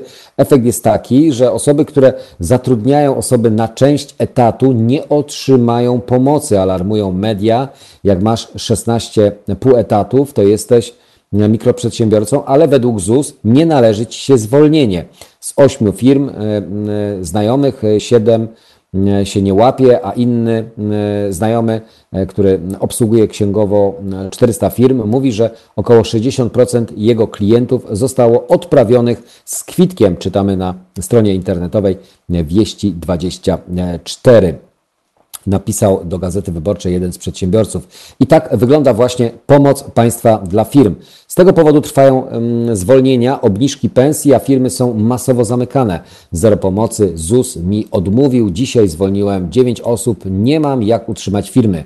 PiS zamknął wszystko. Zrobiłem spotkanie, wytłumaczyłem, dlaczego muszę to zrobić. Żaden z tych y, ludzi nie zagłosuje na Dudę i Kaczyńskiego nigdy. Każdy powiadomi swoje rodziny, napisał na grupie przedsiębiorców jeden z właścicieli. Od trzech tygodni czekam na decyzję ZUS. Nie mogę już dłużej. Zamykam działalność i wszyscy na bruk do czasu, jak sytuacja się zmieni. Napisała inna osoba na tej samej grupie dla przedsiębiorców. Mm, oto państwo PiS w praktyce. Mm, źródło Gazeta Wyborcza, e, Facebook. No, e, jak widać, e, każdy przypadek trzeba rozpatrywać indywidualnie. Niestety, przykre jest to, że mm, nie dotyczy to wszystkich, albo że dotyka to tych, którzy są w przeogromnej potrzebie. Faktycznie kwestia samego E, samej pomocy mm, jest tak e, mm, enigmatyczna e, z jednej strony, a sytuacja przedsiębiorstw jest tak druzgocąca i tak dramatyczna, że te działania powinny być zdecydowanie szybsze, zdecydowanie sprawniejsze i bardziej wspierające, a nie blokujące możliwości działania e, gospodarczego. Bo jeżeli mówimy o powrocie do normalności, no to żeby ten powrót rzeczywiście przebiegał w miarę normalnie, no to przedsiębiorcy, już nie wspomnę, ci właśnie mikroprzedsiębiorcy, e, które zostało wykreślone z ustawy antykryzysowej, e, powinni móc normalnie funkcjonować, powinni działać w przestrzeni publicznej, aby powrócić do tego normalnego działania. E, to jest e, dość e, trudna sytuacja i myślę, że z tą sytuacją będziemy się rzeczywiście borykać. Nawiązując jeszcze do Waszych wpisów na czatach, okazuje się, że mm, ktoś napisał, i to chyba Joasia, wynika z ogłoszonej dzisiaj 15 kwietnia, moment. Dzisiaj mamy 16 kwietnia, Joasiu, ale to było chyba wczoraj. Nowelizacji rozporządzenia Rady Ministrów z 10 kwietnia, zgodnie z przepisami do dnia 19 kwietnia, mamy zakaz korzystania z terenów zieleni. Tak, oczywiście mamy ten zakaz. Czy ten zakaz zostanie teraz uwolniony albo uchylony, tego nie wiemy. Zmienił się przepis o zakazie wstępu na tereny zielone, w konsekwencji na, za wejście na trawnik wzdłuż jezdni lub przy chodniku grozi kara pieniężna minimum 10 tysięcy złotych. Joanno, powiem Ci szczerze, brzmi dla mnie to jak jeden wielki absurd, bo e, terenów e, tak zwanych trawników, e, czy miejsc takich mm, dzielących, czy to jezdnie, czy chodniki jest mnóstwo, więc no, chyba nikt o zdrowym umyśle nie będzie nas karał za tego typu wejście na jakąkolwiek e, minimalną przestrzeń zieloną, która jest e, w infrastrukturze miejskiej e, no, jakimś tam kawałkiem zieleniaka. No, ale jeżeli tak mówisz, jak jest, to może jakieś przykłady albo jakieś dowody. Pewno w internecie znaleźlibyśmy mnóstwo takich absurdalnych przykładów, mm, ale nie nie, nie, nie idźmy tą drogą, bo rzeczywiście okaże się, że mm, kawałek e, trawy przed naszym osiedlem e, też będzie uznane za e, przestrzeń zieloną, bo tak jest. I gdy na niej będziemy z psem spacerować, to idący nadgorliwy policjant czy strażnik miejski po prostu wlepi nam mandat. Nie. Mam nadzieję, że do takich absurdów jeszcze, znaczy nie, że nie dojdzie. Mam nadzieję. E, okay. w takim bądź razie e, to w kwestii e, oczywiście tych obostrzeń, jak i również w kwestii tej pomocy. Odnośnie pomocy, to, to mówiłem, że rząd się chwali. No chwali się, bo zapłacił całą stronę pewno w gazetach po to, żeby nas poinformować o tym, że jeżeli jeszcze nie złożyłeś, to masz szansę złożyć takie wnioski o uchylenie Mm, płatności wobec Zakładu Ubezpieczeń Społecznych, czy ewentualnego wsparcia, minimalnego, ale zawsze jakiegoś tam wsparcia, które pozwoli nam na to, aby właśnie można było mm, e, przynajmniej opłacić te minimalne e, jakieś płatności, rachunki. Niewiele, ale zawsze to e, coś. Mogłoby być więcej. No cóż, jaka gospodarka, taka pomoc. Albo jaki rząd, jakie oszczędności ma rząd, to tyle nam później może zaproponować. Halo Radio do godziny 10, 9.15 doniesienia również z nadsekwany o tym, co dzieje się poza granicami naszego kraju, jak Europa sobie radzi z koronawirusem, z epidemią, z pandemią, która jest wszechobecna. Jedni zwalniają, jedni uwalniają gospodarkę nieco szybciej, czy robią dobrze, czy źle. Posłuchamy, co ma do powiedzenia nasz korespondent. My wracamy do Was dosłownie za kilka minut.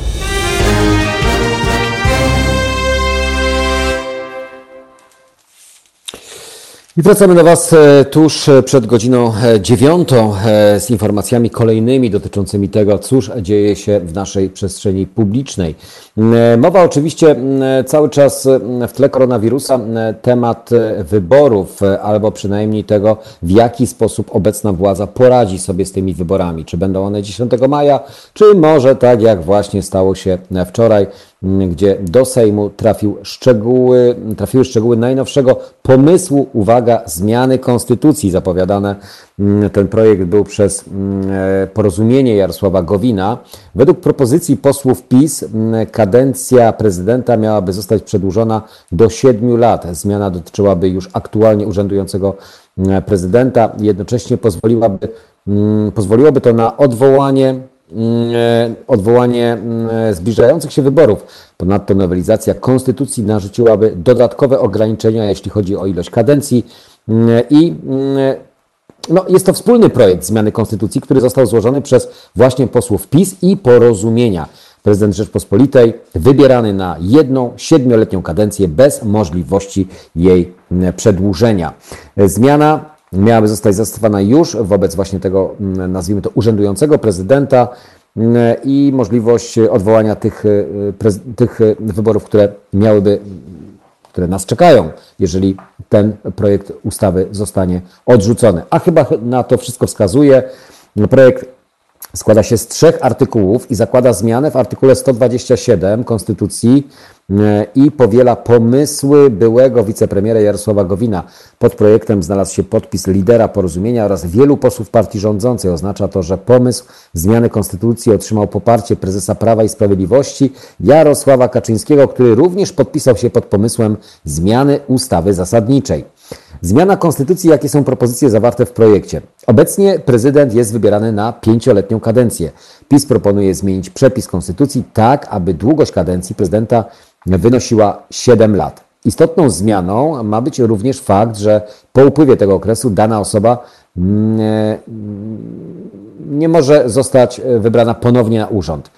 Istotnym jest też fakt, że proponowana zmiana miałaby dotyczyć obecnego właśnie prezydenta, czyli prawo Mm, które przysługiwało prezydentowi do reelekcji, czyli do ubiegania się o ponowną, ponownie o fotel prezydenta, już by nie obowiązywało. Ja wiem, jak to jest, że e, można, jak widać, widać można e, uchylać e, prawo, które obowiązuje podczas danej kadencji.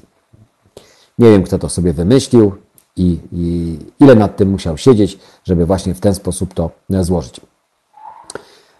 Więc Obecna kadencja e, prezydenta kończy się dokładnie 6 sierpnia. W artykule drugim proponowanego projektu wyraźnie można przeczytać, że nowy przepis stosuje się do kadencji urzędującego prezydenta RP, która skończy się z upływem okresu ustalonego w zmienionych przepisach Konstytucji.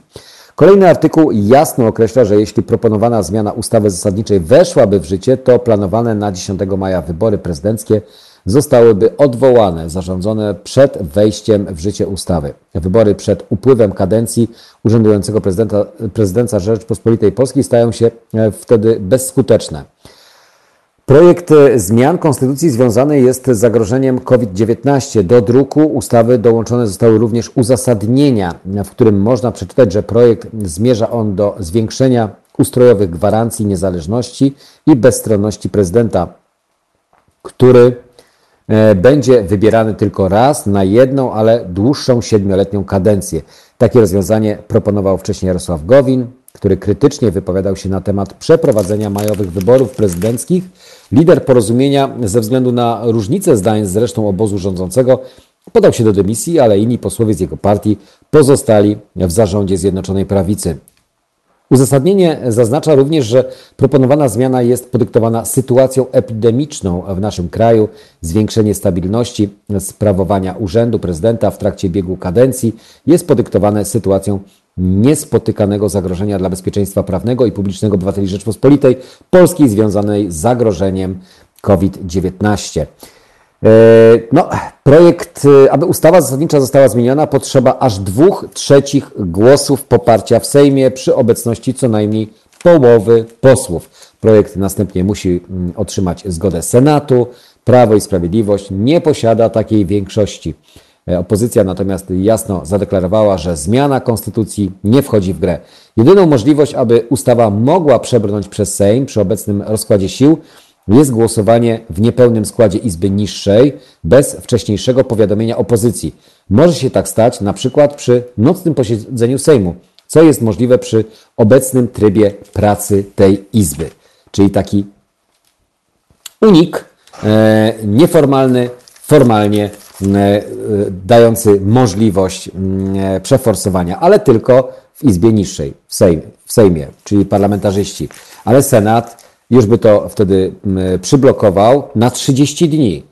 A wtedy w międzyczasie pani marszałek Witek przesunęłaby wybory o kolejne tygodnie, bo ma teraz taką możliwość e, z 10 maja na inny termin, koniec maja na przykład, tam 17 czy 27 i wtedy po powrocie e, ustawy albo odrzuceniu jej przez Senat, a tam jest możliwość przytrzymania jej tylko i wyłącznie przez 30 dni, e, wtedy Senat, e, wtedy Sejm musiałby odrzucić mm, wnioskować jeszcze raz, ale też byłaby potrzebna prawdopodobnie e, większość, chyba że znów dokonano by takiego samego myku nocnego głosowania, jak tutaj propozycja pada przez dziennikarzy e, spekulujących na ten temat. Co można by jeszcze, za przeproszeniem, schrzanić w naszym kraju? E, no właśnie, co można byłoby schrzanić, tego już nie jesteśmy w stanie przewidzieć, ale jesteśmy w stanie przewidzieć, co można ewentualnie zrobić w sytuacji, gdy Pamiętajmy o tym, że mamy swoje pociechy i mamy swoje dzieci w szkołach e, e, zapisane, ale nie chodzą, nie uczęszczają. Czy opłaty za niepubliczne szkoły i przedszkola powinny być uiszczane? Jak to wygląda? Mm, koronawirus uderzył mocno w prywatną oświatę. Teraz potrzeba dobrej woli właścicieli i rodziców. Tutaj niestety trzeba się dogadywać, porozumieć, jak to wygląda indywidualnie, jak jest mm, zawarte w umowach i czy te umowy dają Wam możliwość takiej sytuacji, aby aby y, właśnie mm, uchylić się od tych czynności w 100% płatności, to e, e, indywidualnie, tak, ale w gazecie e, wyborczej dzisiaj również jest taki obszerny artykuł, można się z nim zapoznać. Zbliża się godzina dziewiąta, my do Was powrócimy dosłownie za moment, chyba usłyszymy również Inexes, a 9.15 połączymy się z naszym korespondentem.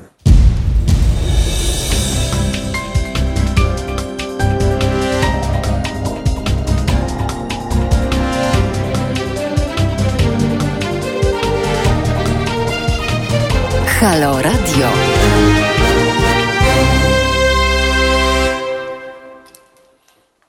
Halo Radio, 6 minut po godzinie 9. Jacek Zimnik e, wspólnie z Wami od 7 rano do 10. Piotr również cały czas dba i czuwa nad realizacją, dość nietypową dziś realizacją, bo z jednej strony ja w domu, Piotr e, w studiu, a z drugiej strony też e, możliwość nieco podglądania tego, jak w domu można prowadzić audycję, bo widzicie też mnie czasami właśnie za pomocą obrazu z kamery komputera. No jakoś może nie jest najwyższych lotów, ale e, też e, myślę, że chodzi przede wszystkim o treści, które przekazywane są e, przez nas.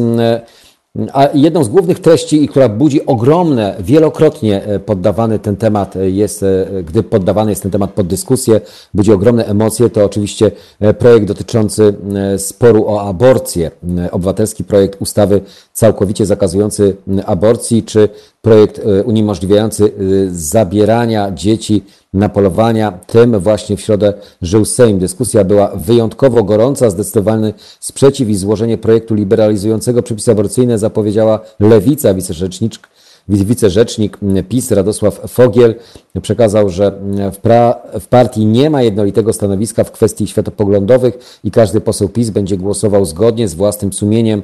Natomiast Małgorzata Kidawa-Błońska stwierdziła, że specja, na specjalnie zwołanej konferencji, że projekt zakazujący aborcji nieprzypadkowo znalazł się w Sejmie właśnie e, teraz. E, ale e, za tym projektem, uwaga, idą kolejne lawiny komentarzy. Mowa oczywiście o wnioskodawczyni albo inicjatorce, która zawsze przy tego typu projektach się pojawia. To jest Ania, to jest Kaja Godek, która, uwaga, grozi Ani Rubik procesem o zniesławienie. E, proliferska działaczka stojąca za projektem Zatrzymać aborcję będzie żądała wysokiego odszkodowania.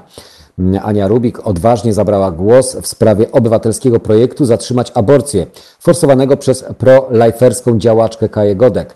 Projekt zakłada zaostrzenie obowiązujących przepisów aborcyjnych. Modelka może teraz ponieść konsekwencje. Kaja Godek grozi jej procesem o zniesławienie i zapowiada żądanie wysokiego odszkodowania. Ania Rubik jako jedna z pierwszych gwiazd ostro sprzeciwiła się nowemu projektowi Kai Godek, zakładającemu m.in. zakaz aborcji, aborcji eugenicznej oraz karę do 5 lat pozbawienia wolności dla osób, które dopuszczą się usunięcia e, ciąży. Nie wiem, czy wiecie, ale pani Godek, i tutaj e, cytat, który wywołał mm, na Instagramie e, właśnie oburzenie mm, mm, pomysłodawczyni stojącej za e, tym projektem, ale pani Godek chce, abym umarła podczas porodu i zostawiła osierocone dziecko. Pani Godek chce, abyś ty, zgwałcona, nie miała wyboru i była zmuszona urodzić dziecko gwałciciela. Pani Godek chce, abyśmy przez 9 miesięcy nosiły w sobie dziecko, wiedząc, że ono umrze tuż po porodzie lub będzie nieodwracalnie upośledzone. Tak, to mogę być ja, ty, twoja córka, wnuczka, żona czy matka. To e, ta ustawa dotyczy mnie, ciebie, każdej kobiety, każdego mężczyzny i każdej rodziny w Polsce, napisała na Instagramie Ania e, Rubik. Protest modelki poparło mnóstwo kobiet, w tym gwiazd i znane osobistości ze świata show biznesu. Strajk kobiet zorganizował e, ogólnopolski protest samochodowy. Demonstrantki ustawiały się też z plakatami w kolejkach do sklepów. Kaja Godek uznała wypowiedź Rubik za zniesławiającą i zapowiedziała wytoczenie modelce procesu. Sprawę, sprawą ma zająć się Organizacja Ordo e, Juris e, uprzejmie informuje, że sprawę zniesławiające mnie wypowiedzi autorstwa pani Rubik przekazałam do Instytutu na Rzecz Kultury Prawnej Ordo Juris celem wszczęcia postępowania przed sądami. Będzie żądanie wysokiego odszkodowania od pani Rubik na obronę życia, napisała na Facebooku e, działaczka. No, to życzę e, powodzenia walki e, z, nazwijmy to, szeroko pojętym i bardzo e, mocnym środowiskiem artystycznym, sprzeciwiającym się właśnie zaostrzeniu prawa aborcyjnego. Prawo do podejmowania decyzji powinien mieć każdy obywatel samodzielnie, a nie powinno to być narzucane przez, mm, nazwijmy to, mniejszą czy większą grupę obywateli niekoniecznie zgadzających się z normalnym funkcjonowaniem w państwie. Nie może być tak, żeby ktoś za nas akurat w tym wypadku podejmował decyzję. To my, jako e, obywatele, powinniśmy mm, e, no, mieć możliwość wewnętrznie podjąć decyzję, czy możemy dokonać tej aborcji, nazwijmy to, w tych warunkach, czy e, w odpowiednich e, sytuacjach, czy też nie. Więc e, zawsze, gdy pojawia się ten temat, zawsze pojawia się, pojawiają się stanowiska odmienne. Są zwolennicy i są przeciwnicy. Ja należę niestety do osób, które znaczy, przepraszam za słowo niestety, nie, ja należę do tych osób, które uważają, że prawo aborcyjne powinno należeć przede wszystkim do kobiet e, i to kobieta powinna podejmować tę decyzję. A teraz nie, że mężczyźni zajmują się albo w imieniu kobiet będą podejmować decyzje o tym, co powinny kobiety robić lub co powinny robić ze swoim organizmem, ze swoim ciałem i ze swoim życiem, ryzykując wielokrotnie właśnie w takich sytuacjach e, życie.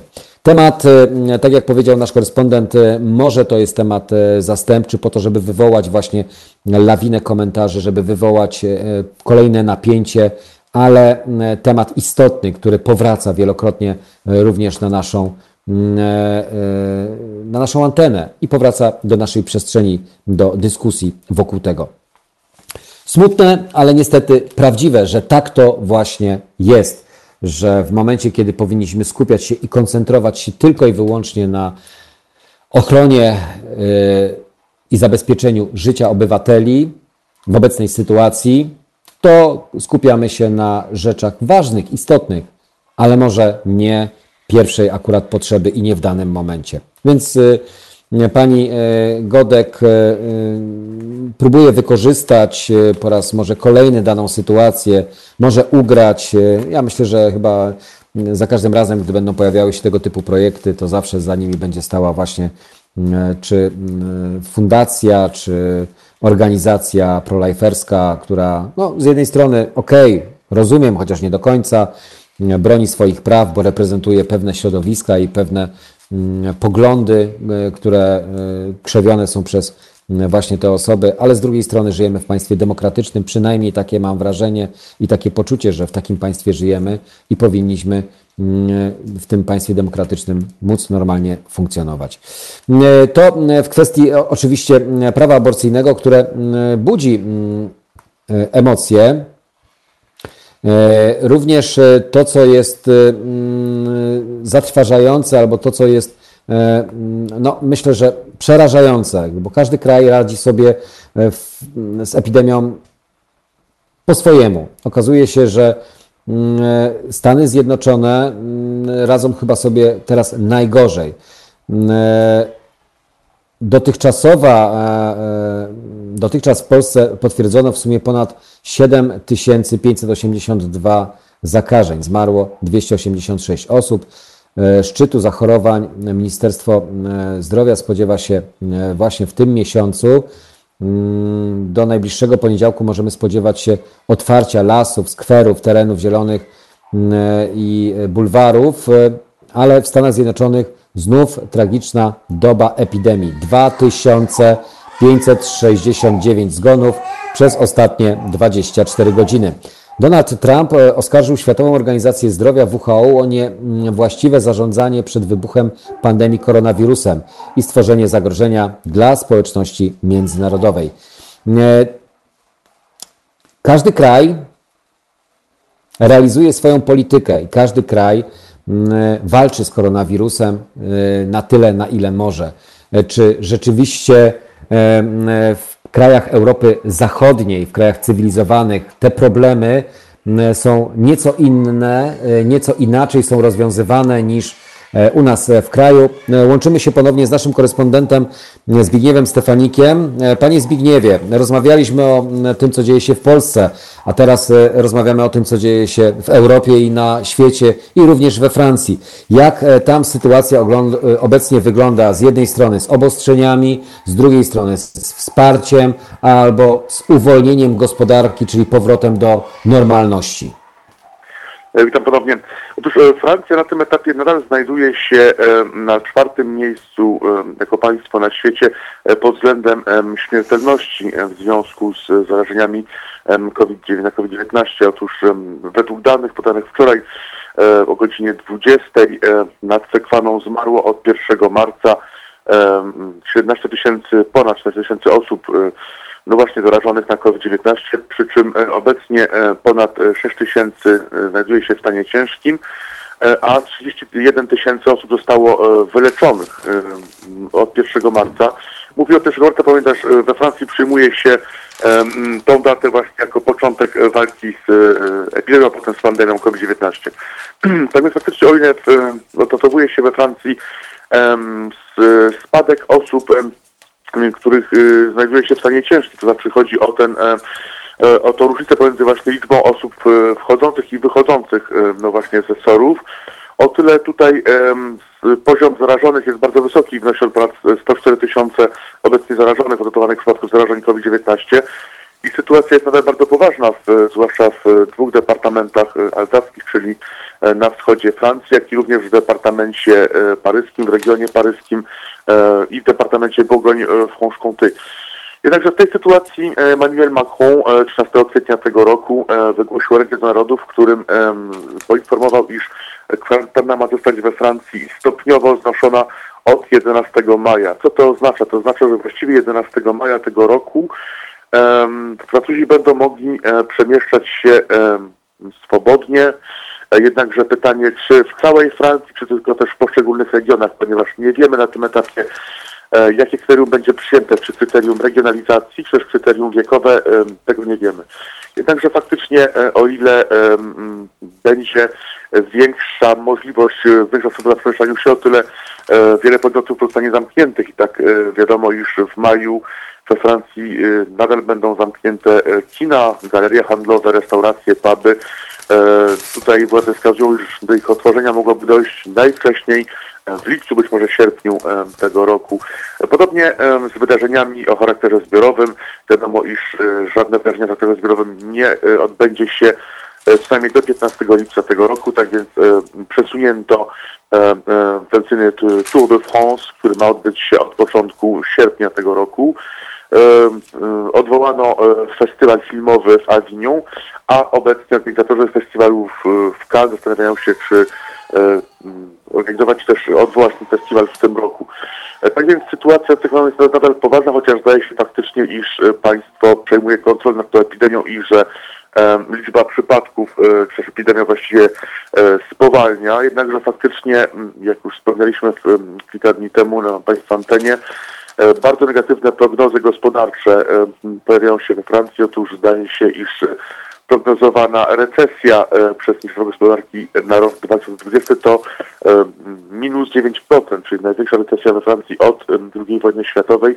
Przewiduje się również, e, iż e, francuski dług publiczny wyniesie w tym roku e, ponad e, 115% te- tegorocznego PKB.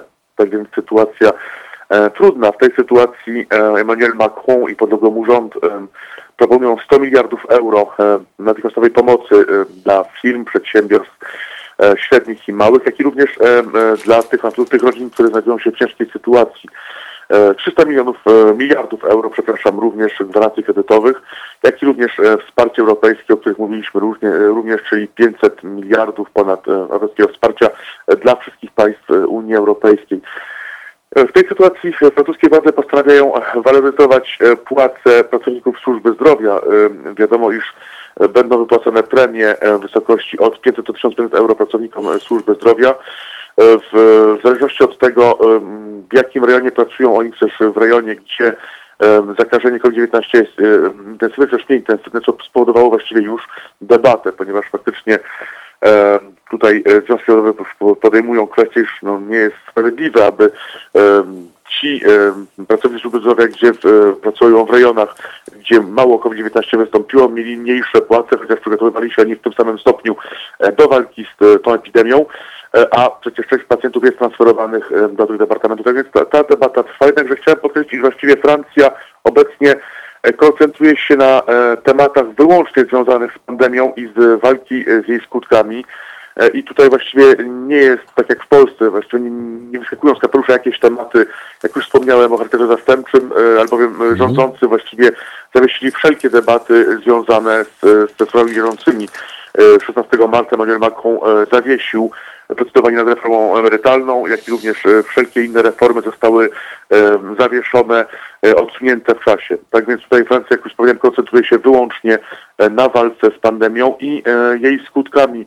E, dlaczego efektem są, jak już wspomniałem, podejmowane decyzje. Tutaj we Francji decyzja, e, która ma zostać podjęta, e, budzi kontrowersję w związku z wysłaniem młodzieży do szkół 11 maja ponieważ to, to wskazują badania opinii społecznej, Francuzi większościowo nie są zdania, iż jest to dobry moment, ponieważ chcieliby oni jakby tak podobnie jak we Włoszech, młodzież poszła do szkół dopiero we wrześniu, jednakże faktycznie e, na tym etapie trudno się do tego odnieść, ponieważ e, wiemy, iż 11 maja ma zostać stopniowo wycofana kwarantanna na cyklach, także nie znamy metody, która zostanie przyjęta.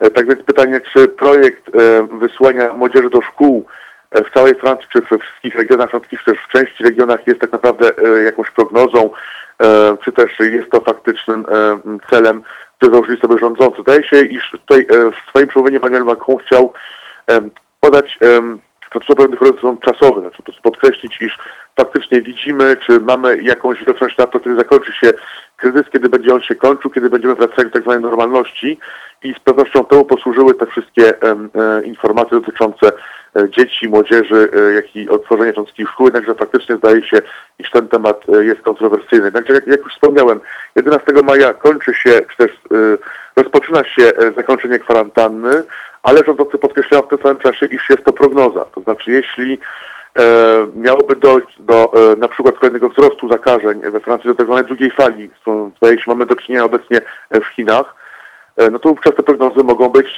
zweryfikowane. Tak więc na tym etapie zostaje Francuzom co najmniej 3,5 tygodnia kwarantanny.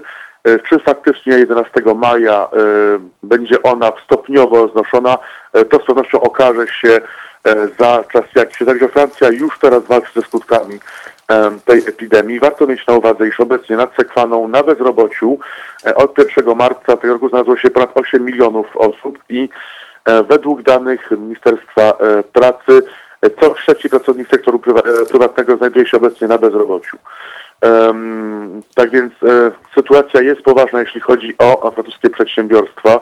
E, z pewnością e, tej sytuacji mają zaradzić e, fundusze związane z uruchomionym programem pomocowym Macrona, o którym już mówiłem, czyli 100 miliardów euro dla francuskich firm i rodzin. Także nie tylko firmy, ale francuski rząd również zaopiekować się rodzinami znajdującymi się w trudnej sytuacji. Otóż zdaje się, iż sytuacja wielu rodzin pogorszyła się w momencie, gdzie dzieci zostały w domach. Otóż dzieci miały E, w wielu przypadkach wykupione obiady w, w stołówkach, co spowodowało, iż właściwie ich koszt utrzymania e, był mniejszy dla wielu rodzin. Tak więc teraz e, sytuacja, gdzie dzieci jedzą w domu, powoduje dla wielu rodzin, rodzin, które tak naprawdę mają dochód poniżej 1000 euro miesięcznie, powoduje, iż ten koszt jest większy. Tak więc tutaj państwo uruchamia specjalny program pomocowy dla tych rodzin, które znajdują się w trudnej sytuacji.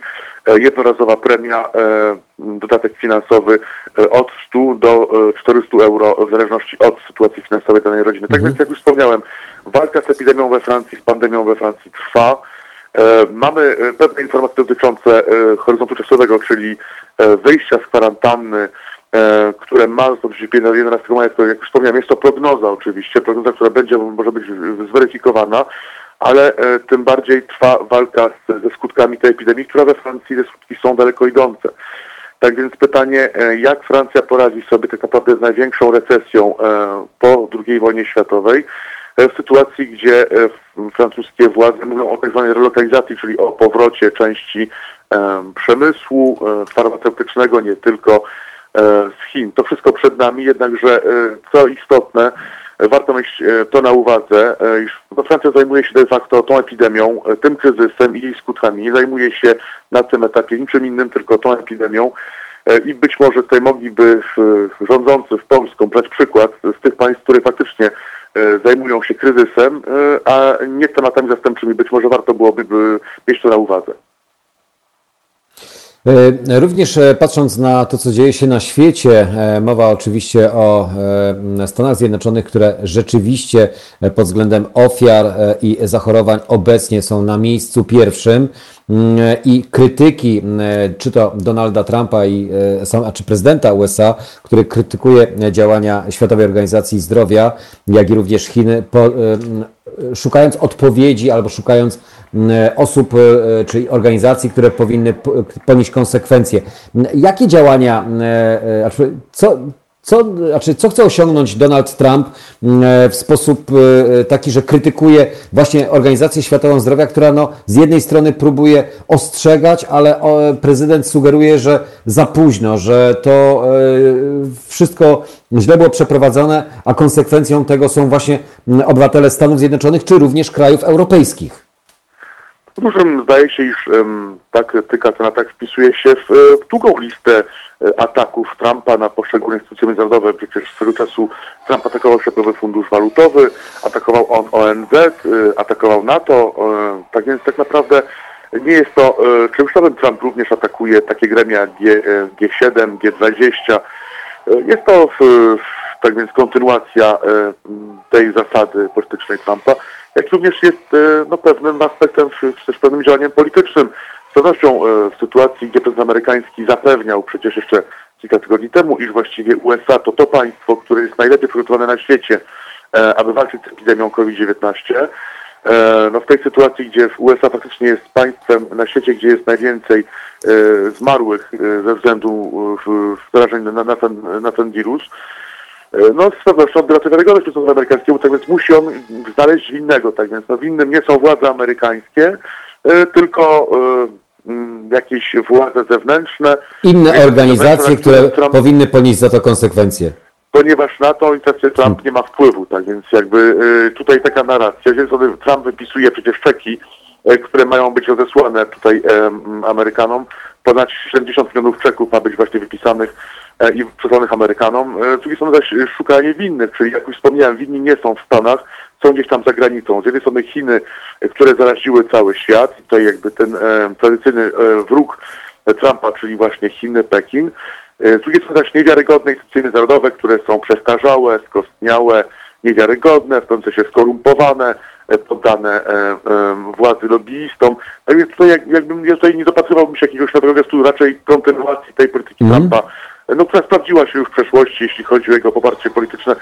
Się uważa, iż Trump przecież cieszy się, pomimo e, no, sytuacji tragicznej w USA, e, związanej z, z COVID-19, bardzo dużym poparciem w tym kraju, tak więc e, ta metoda polityczna zdaje się przynosić rezultaty. Tak więc trudno się dziwić, że prezydent amerykański wraca do swojej tradycyjnej retoryki, tradycyjnej metody, no, która, jak już wspomniałem, polega na odbieraniu wiarygodności instytucjom międzynarodowym, które są winne wszystkiemu złemu, co się wydarzyło Amerykanom i ich prezydentowi.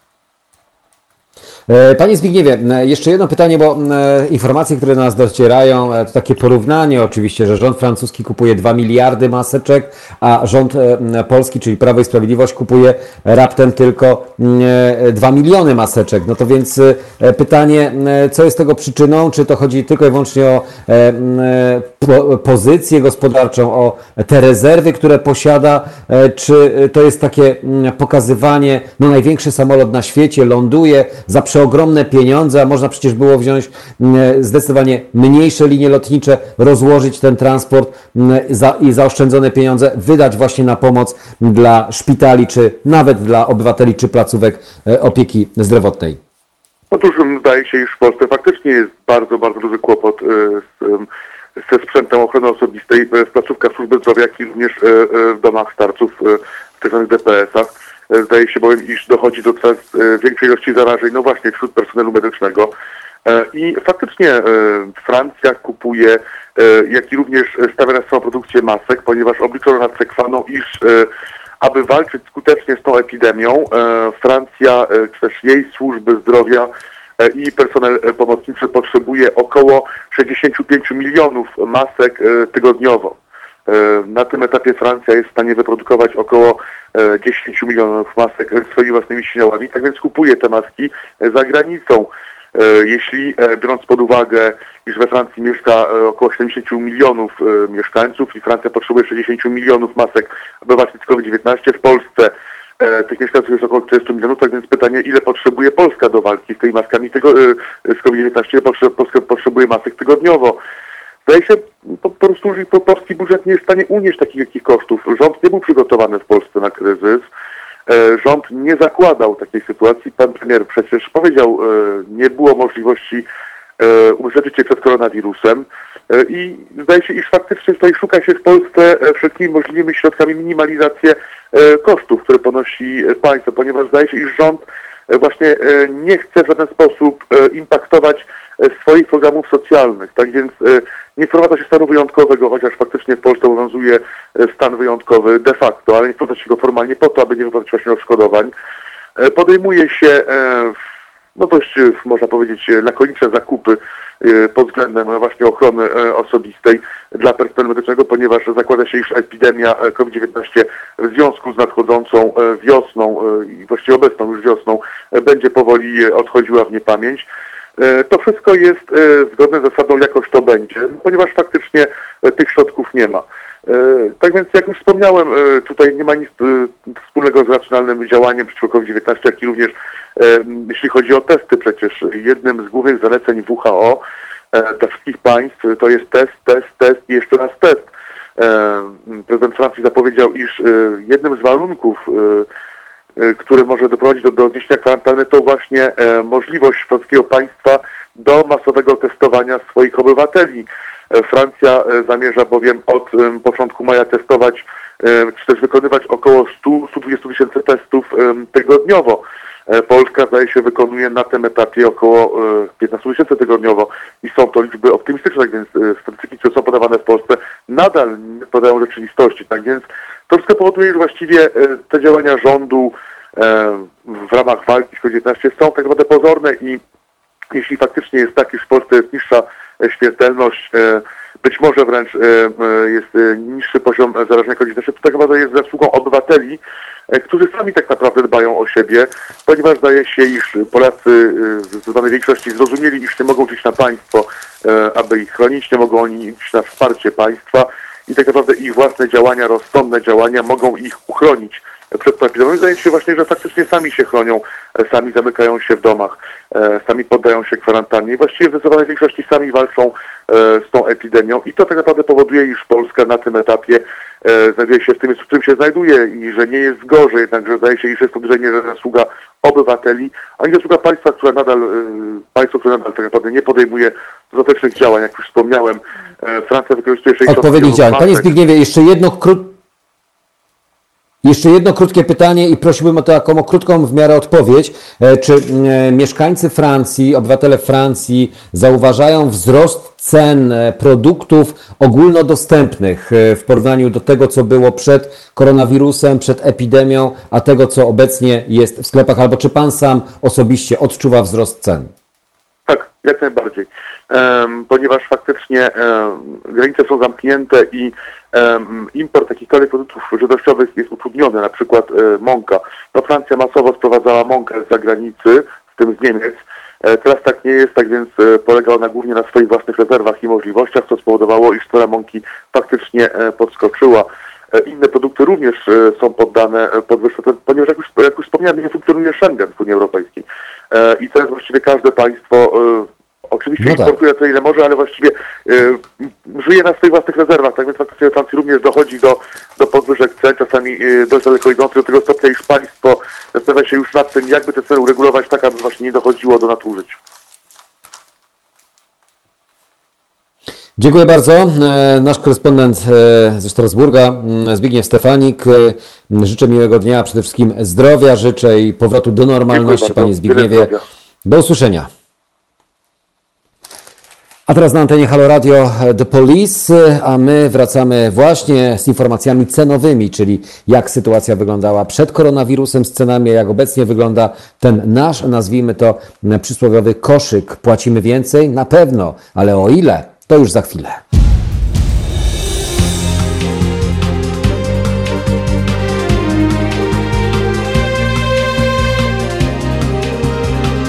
Halo Radio.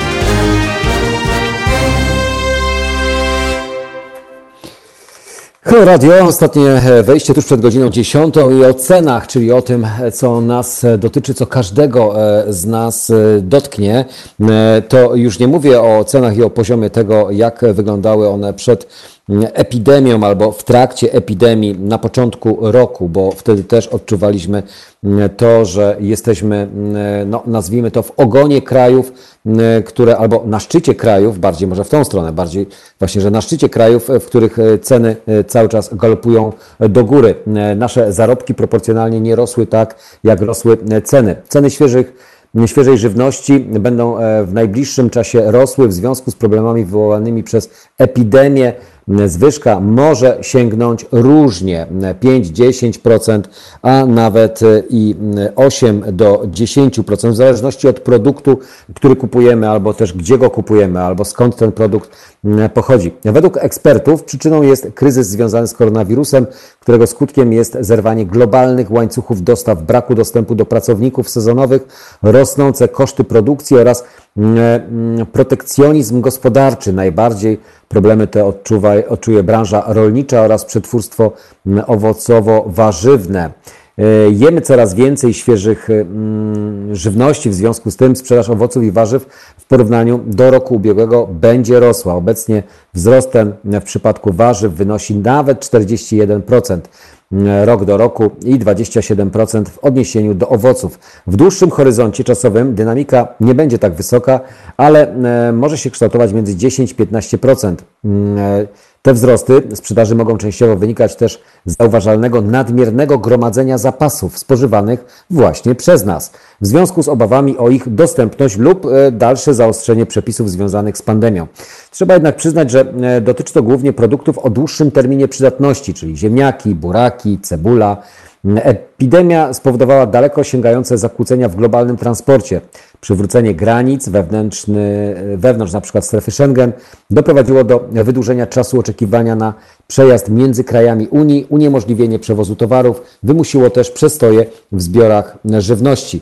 E, przykładem może być e, Afryka, która jest kluczowym eksporterem świeżej żywności do Europy.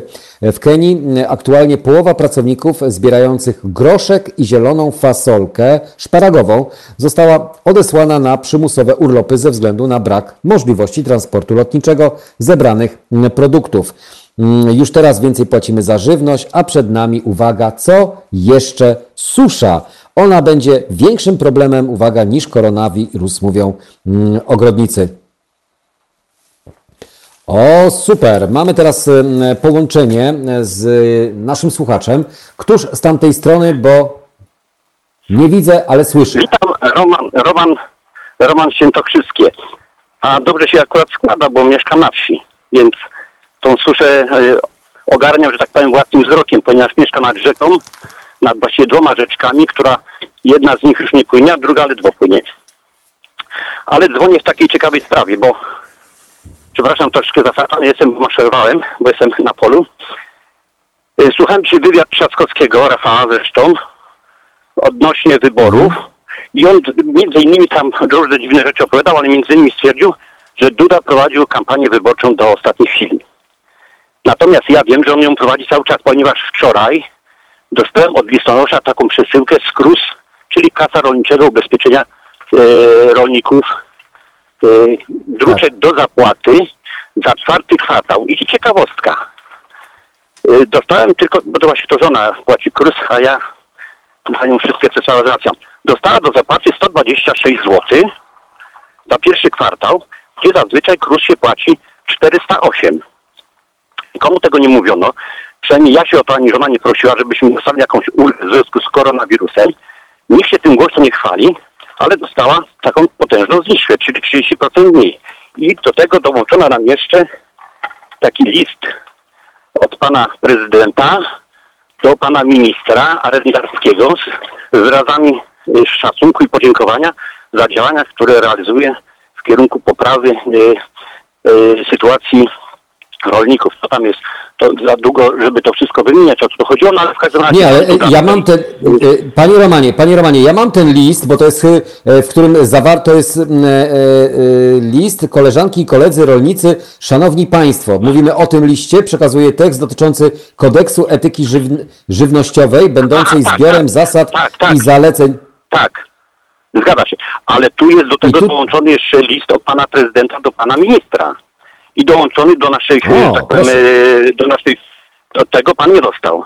I tu oczywiście pan, pan, e, pan prezydent bardzo Minister? się z tym wszystkim Nie, prezydent. e, id- identyfikuje z panem ministrem, z jego działaniami na rzecz rolnictwa.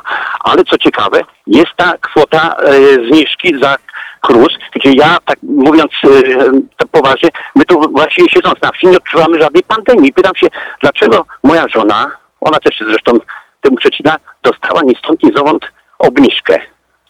E, Z 408 Ale z czego to 126 wynika? Czy było jakieś uzasadnienie? Dobrze, ale panie Romanie, czy było jakieś uzasadnienie Nie, uza- tego, według- e, co jest przyczyną?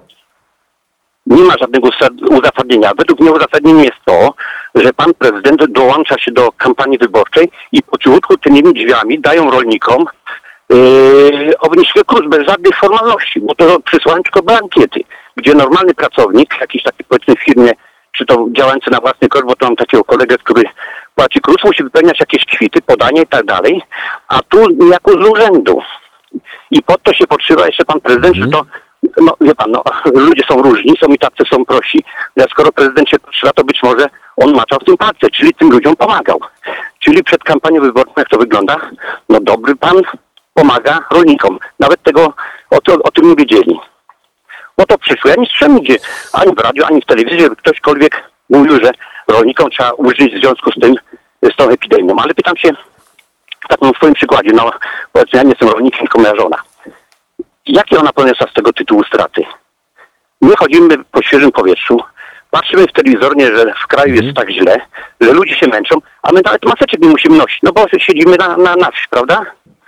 We własnym obejściu. No od dzisiaj, panie, Ro- od dzisiaj, panie? Romanie, no, yy, bez względu na to, gdzie się, yy, gdzie się znajdujemy, to jednak te maseczki powinniśmy nosić. Wiadomo, że Nie, nie, na początku zgoda. te rygory nie będą aż tak mocno przestrzegane, ale kwestia, ma pan rację w 100%, że to jest prowadzenie takiej kampanii oficjalno-nieoficjalnej, to znaczy dawanie mm, e, tej większej może swobody i e, tego wsparcia również dla rolników, licząc na e, oczywiście przychylność podczas wyborów. No dla mnie jest to oczywiste, jeżeli tutaj jest list pana prezydenta jeszcze w tym wszystkim, no to kto za tym stoi? A poza tym e, Ko- Kosiniak-Kamysz, który e, zresztą jest z ZSL-u, nie dają komuś nawet, bo jemu jest głupio powiedzieć, że państwo dało ni stąd ni zowąd jakąś ulgę rolnikom. Nie chcę tego propagować. A oni tu dają, nikomu też o tym nie mówią, nie mówią szerokiej społeczności, że rolnik jest traktowany inaczej, czyli nie musi żadnych e, formalności e, wypełniać i nie ma żadnego kryterium, dostał i koniec. I to jest taki dla mnie na, takie, takie na wydrę chamskie robienie kampanii. To już wszystko. Panie Romanie, dziękuję, dziękujemy w imieniu naszych słuchaczy e, za tego typu informacje, bo rzeczywiście gdzieś tam w przestrzeni medialnej nie wszystkie informacje do nas docierają bezpośrednio lub coś może nam umknąć, a tutaj i tak preferowani, nazwijmy to podatkowo czy opłatami rolnicy, ro, z jednej strony można to zrozumieć, z drugiej strony wiadomo, że zawsze był spór o to, żeby podporządkować ich jednak pod ujednolicenie opłat związanych e, właśnie ze składkami, mm, dostają jeszcze taki dodatkowy bonus.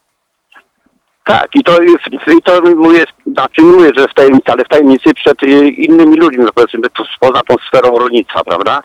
Że oczywiście nie mówię, a przecież rząd powinien y, kwiczeć i z zachwytu pokazywać, jak są oni dobrzy, ale oni tego nie robią, ponieważ wiedzą, że y, to nie jest, to nie byłoby akceptowalne przez wszystkich, prawda?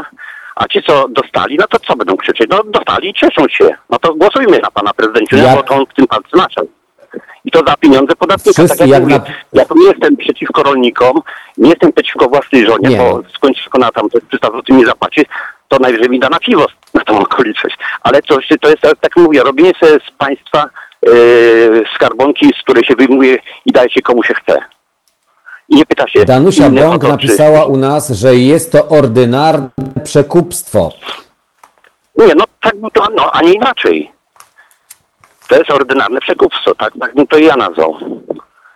Ale mojej żony i mnie nikt Panie nie Romanie. kupił, więc nie wybieram Mam na, nadzieję, na wybory, że, które e, są zdrowy-. I zdrowy rozsądek niech będzie wszystkich. naszym e, e, hasłem przewodnim. E. Ja również e, jestem za tym, żeby wybory odbyły się w normalnych warunkach, e, przy równych szansach dla wszystkich kandydatów, a nie w takiej sytuacji, jaką mamy teraz obecnie. Dziękuję Panie Romanie Ja bardzo za telefon. No, ja również dziękuję, kłaniam, pozdrawiam wszystkich. Do widzenia. Pozdrawiam i życzę miłego dnia. Zdrowia przede wszystkim życzymy. No właśnie, e, jak widać, e, czasami dowiadujemy się o rzeczach, które w ogóle w przestrzeni medialnej e, nie funkcjonują i nie istnieją. A e, żeby się e, o tym na bieżąco dowiadywać, pamiętajcie o tym, że jesteśmy mm, pierwszym takim medium w Polsce, obywatelskim medium w Polsce, aby to trwało i dalej rozwijało się, no to wyłącznie zależy od Was. To Wy musicie wziąć na siebie ciężar e, utrzymania naszego radia, wszak nikt inny tego nie zrobi za Was. Nikt nie we współczesnej Polsce. Wspieraj nas, wspieraj Halo Radio, bądź z nami, mm, mm, pisz, komentuj, dzwoń. Każdego dnia jesteśmy do Waszej dyspozycji, bo przecież to jest nasze wspólne radio. Dziękuję Wam za dzisiejszy poranek, dziękuję Wam za udział e, w tym, e, nazwijmy to, przeglądzie e, tych wydarzeń. Mm, Na bieżąco też będziemy przyglądać się temu, cóż to dzisiaj wydarzy się. Pamiętajcie o tym, że dziś obowiązek to, uwaga, jeżeli gdzieś ktoś się gdzieś wybiera, to tylko i wyłącznie w ten sposób.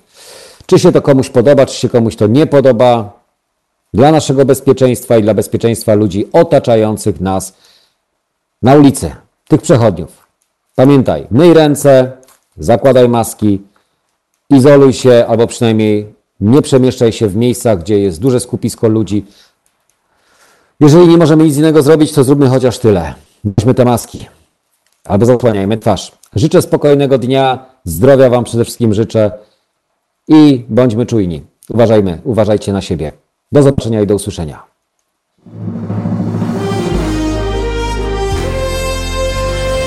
To proste. Żeby robić medium prawdziwie obywatelskie, potrzebujemy Państwa stałego wsparcia finansowego.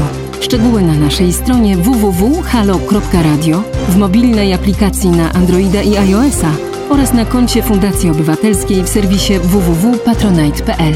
Naszym darczyniom i darczyńcom serdecznie dziękujemy.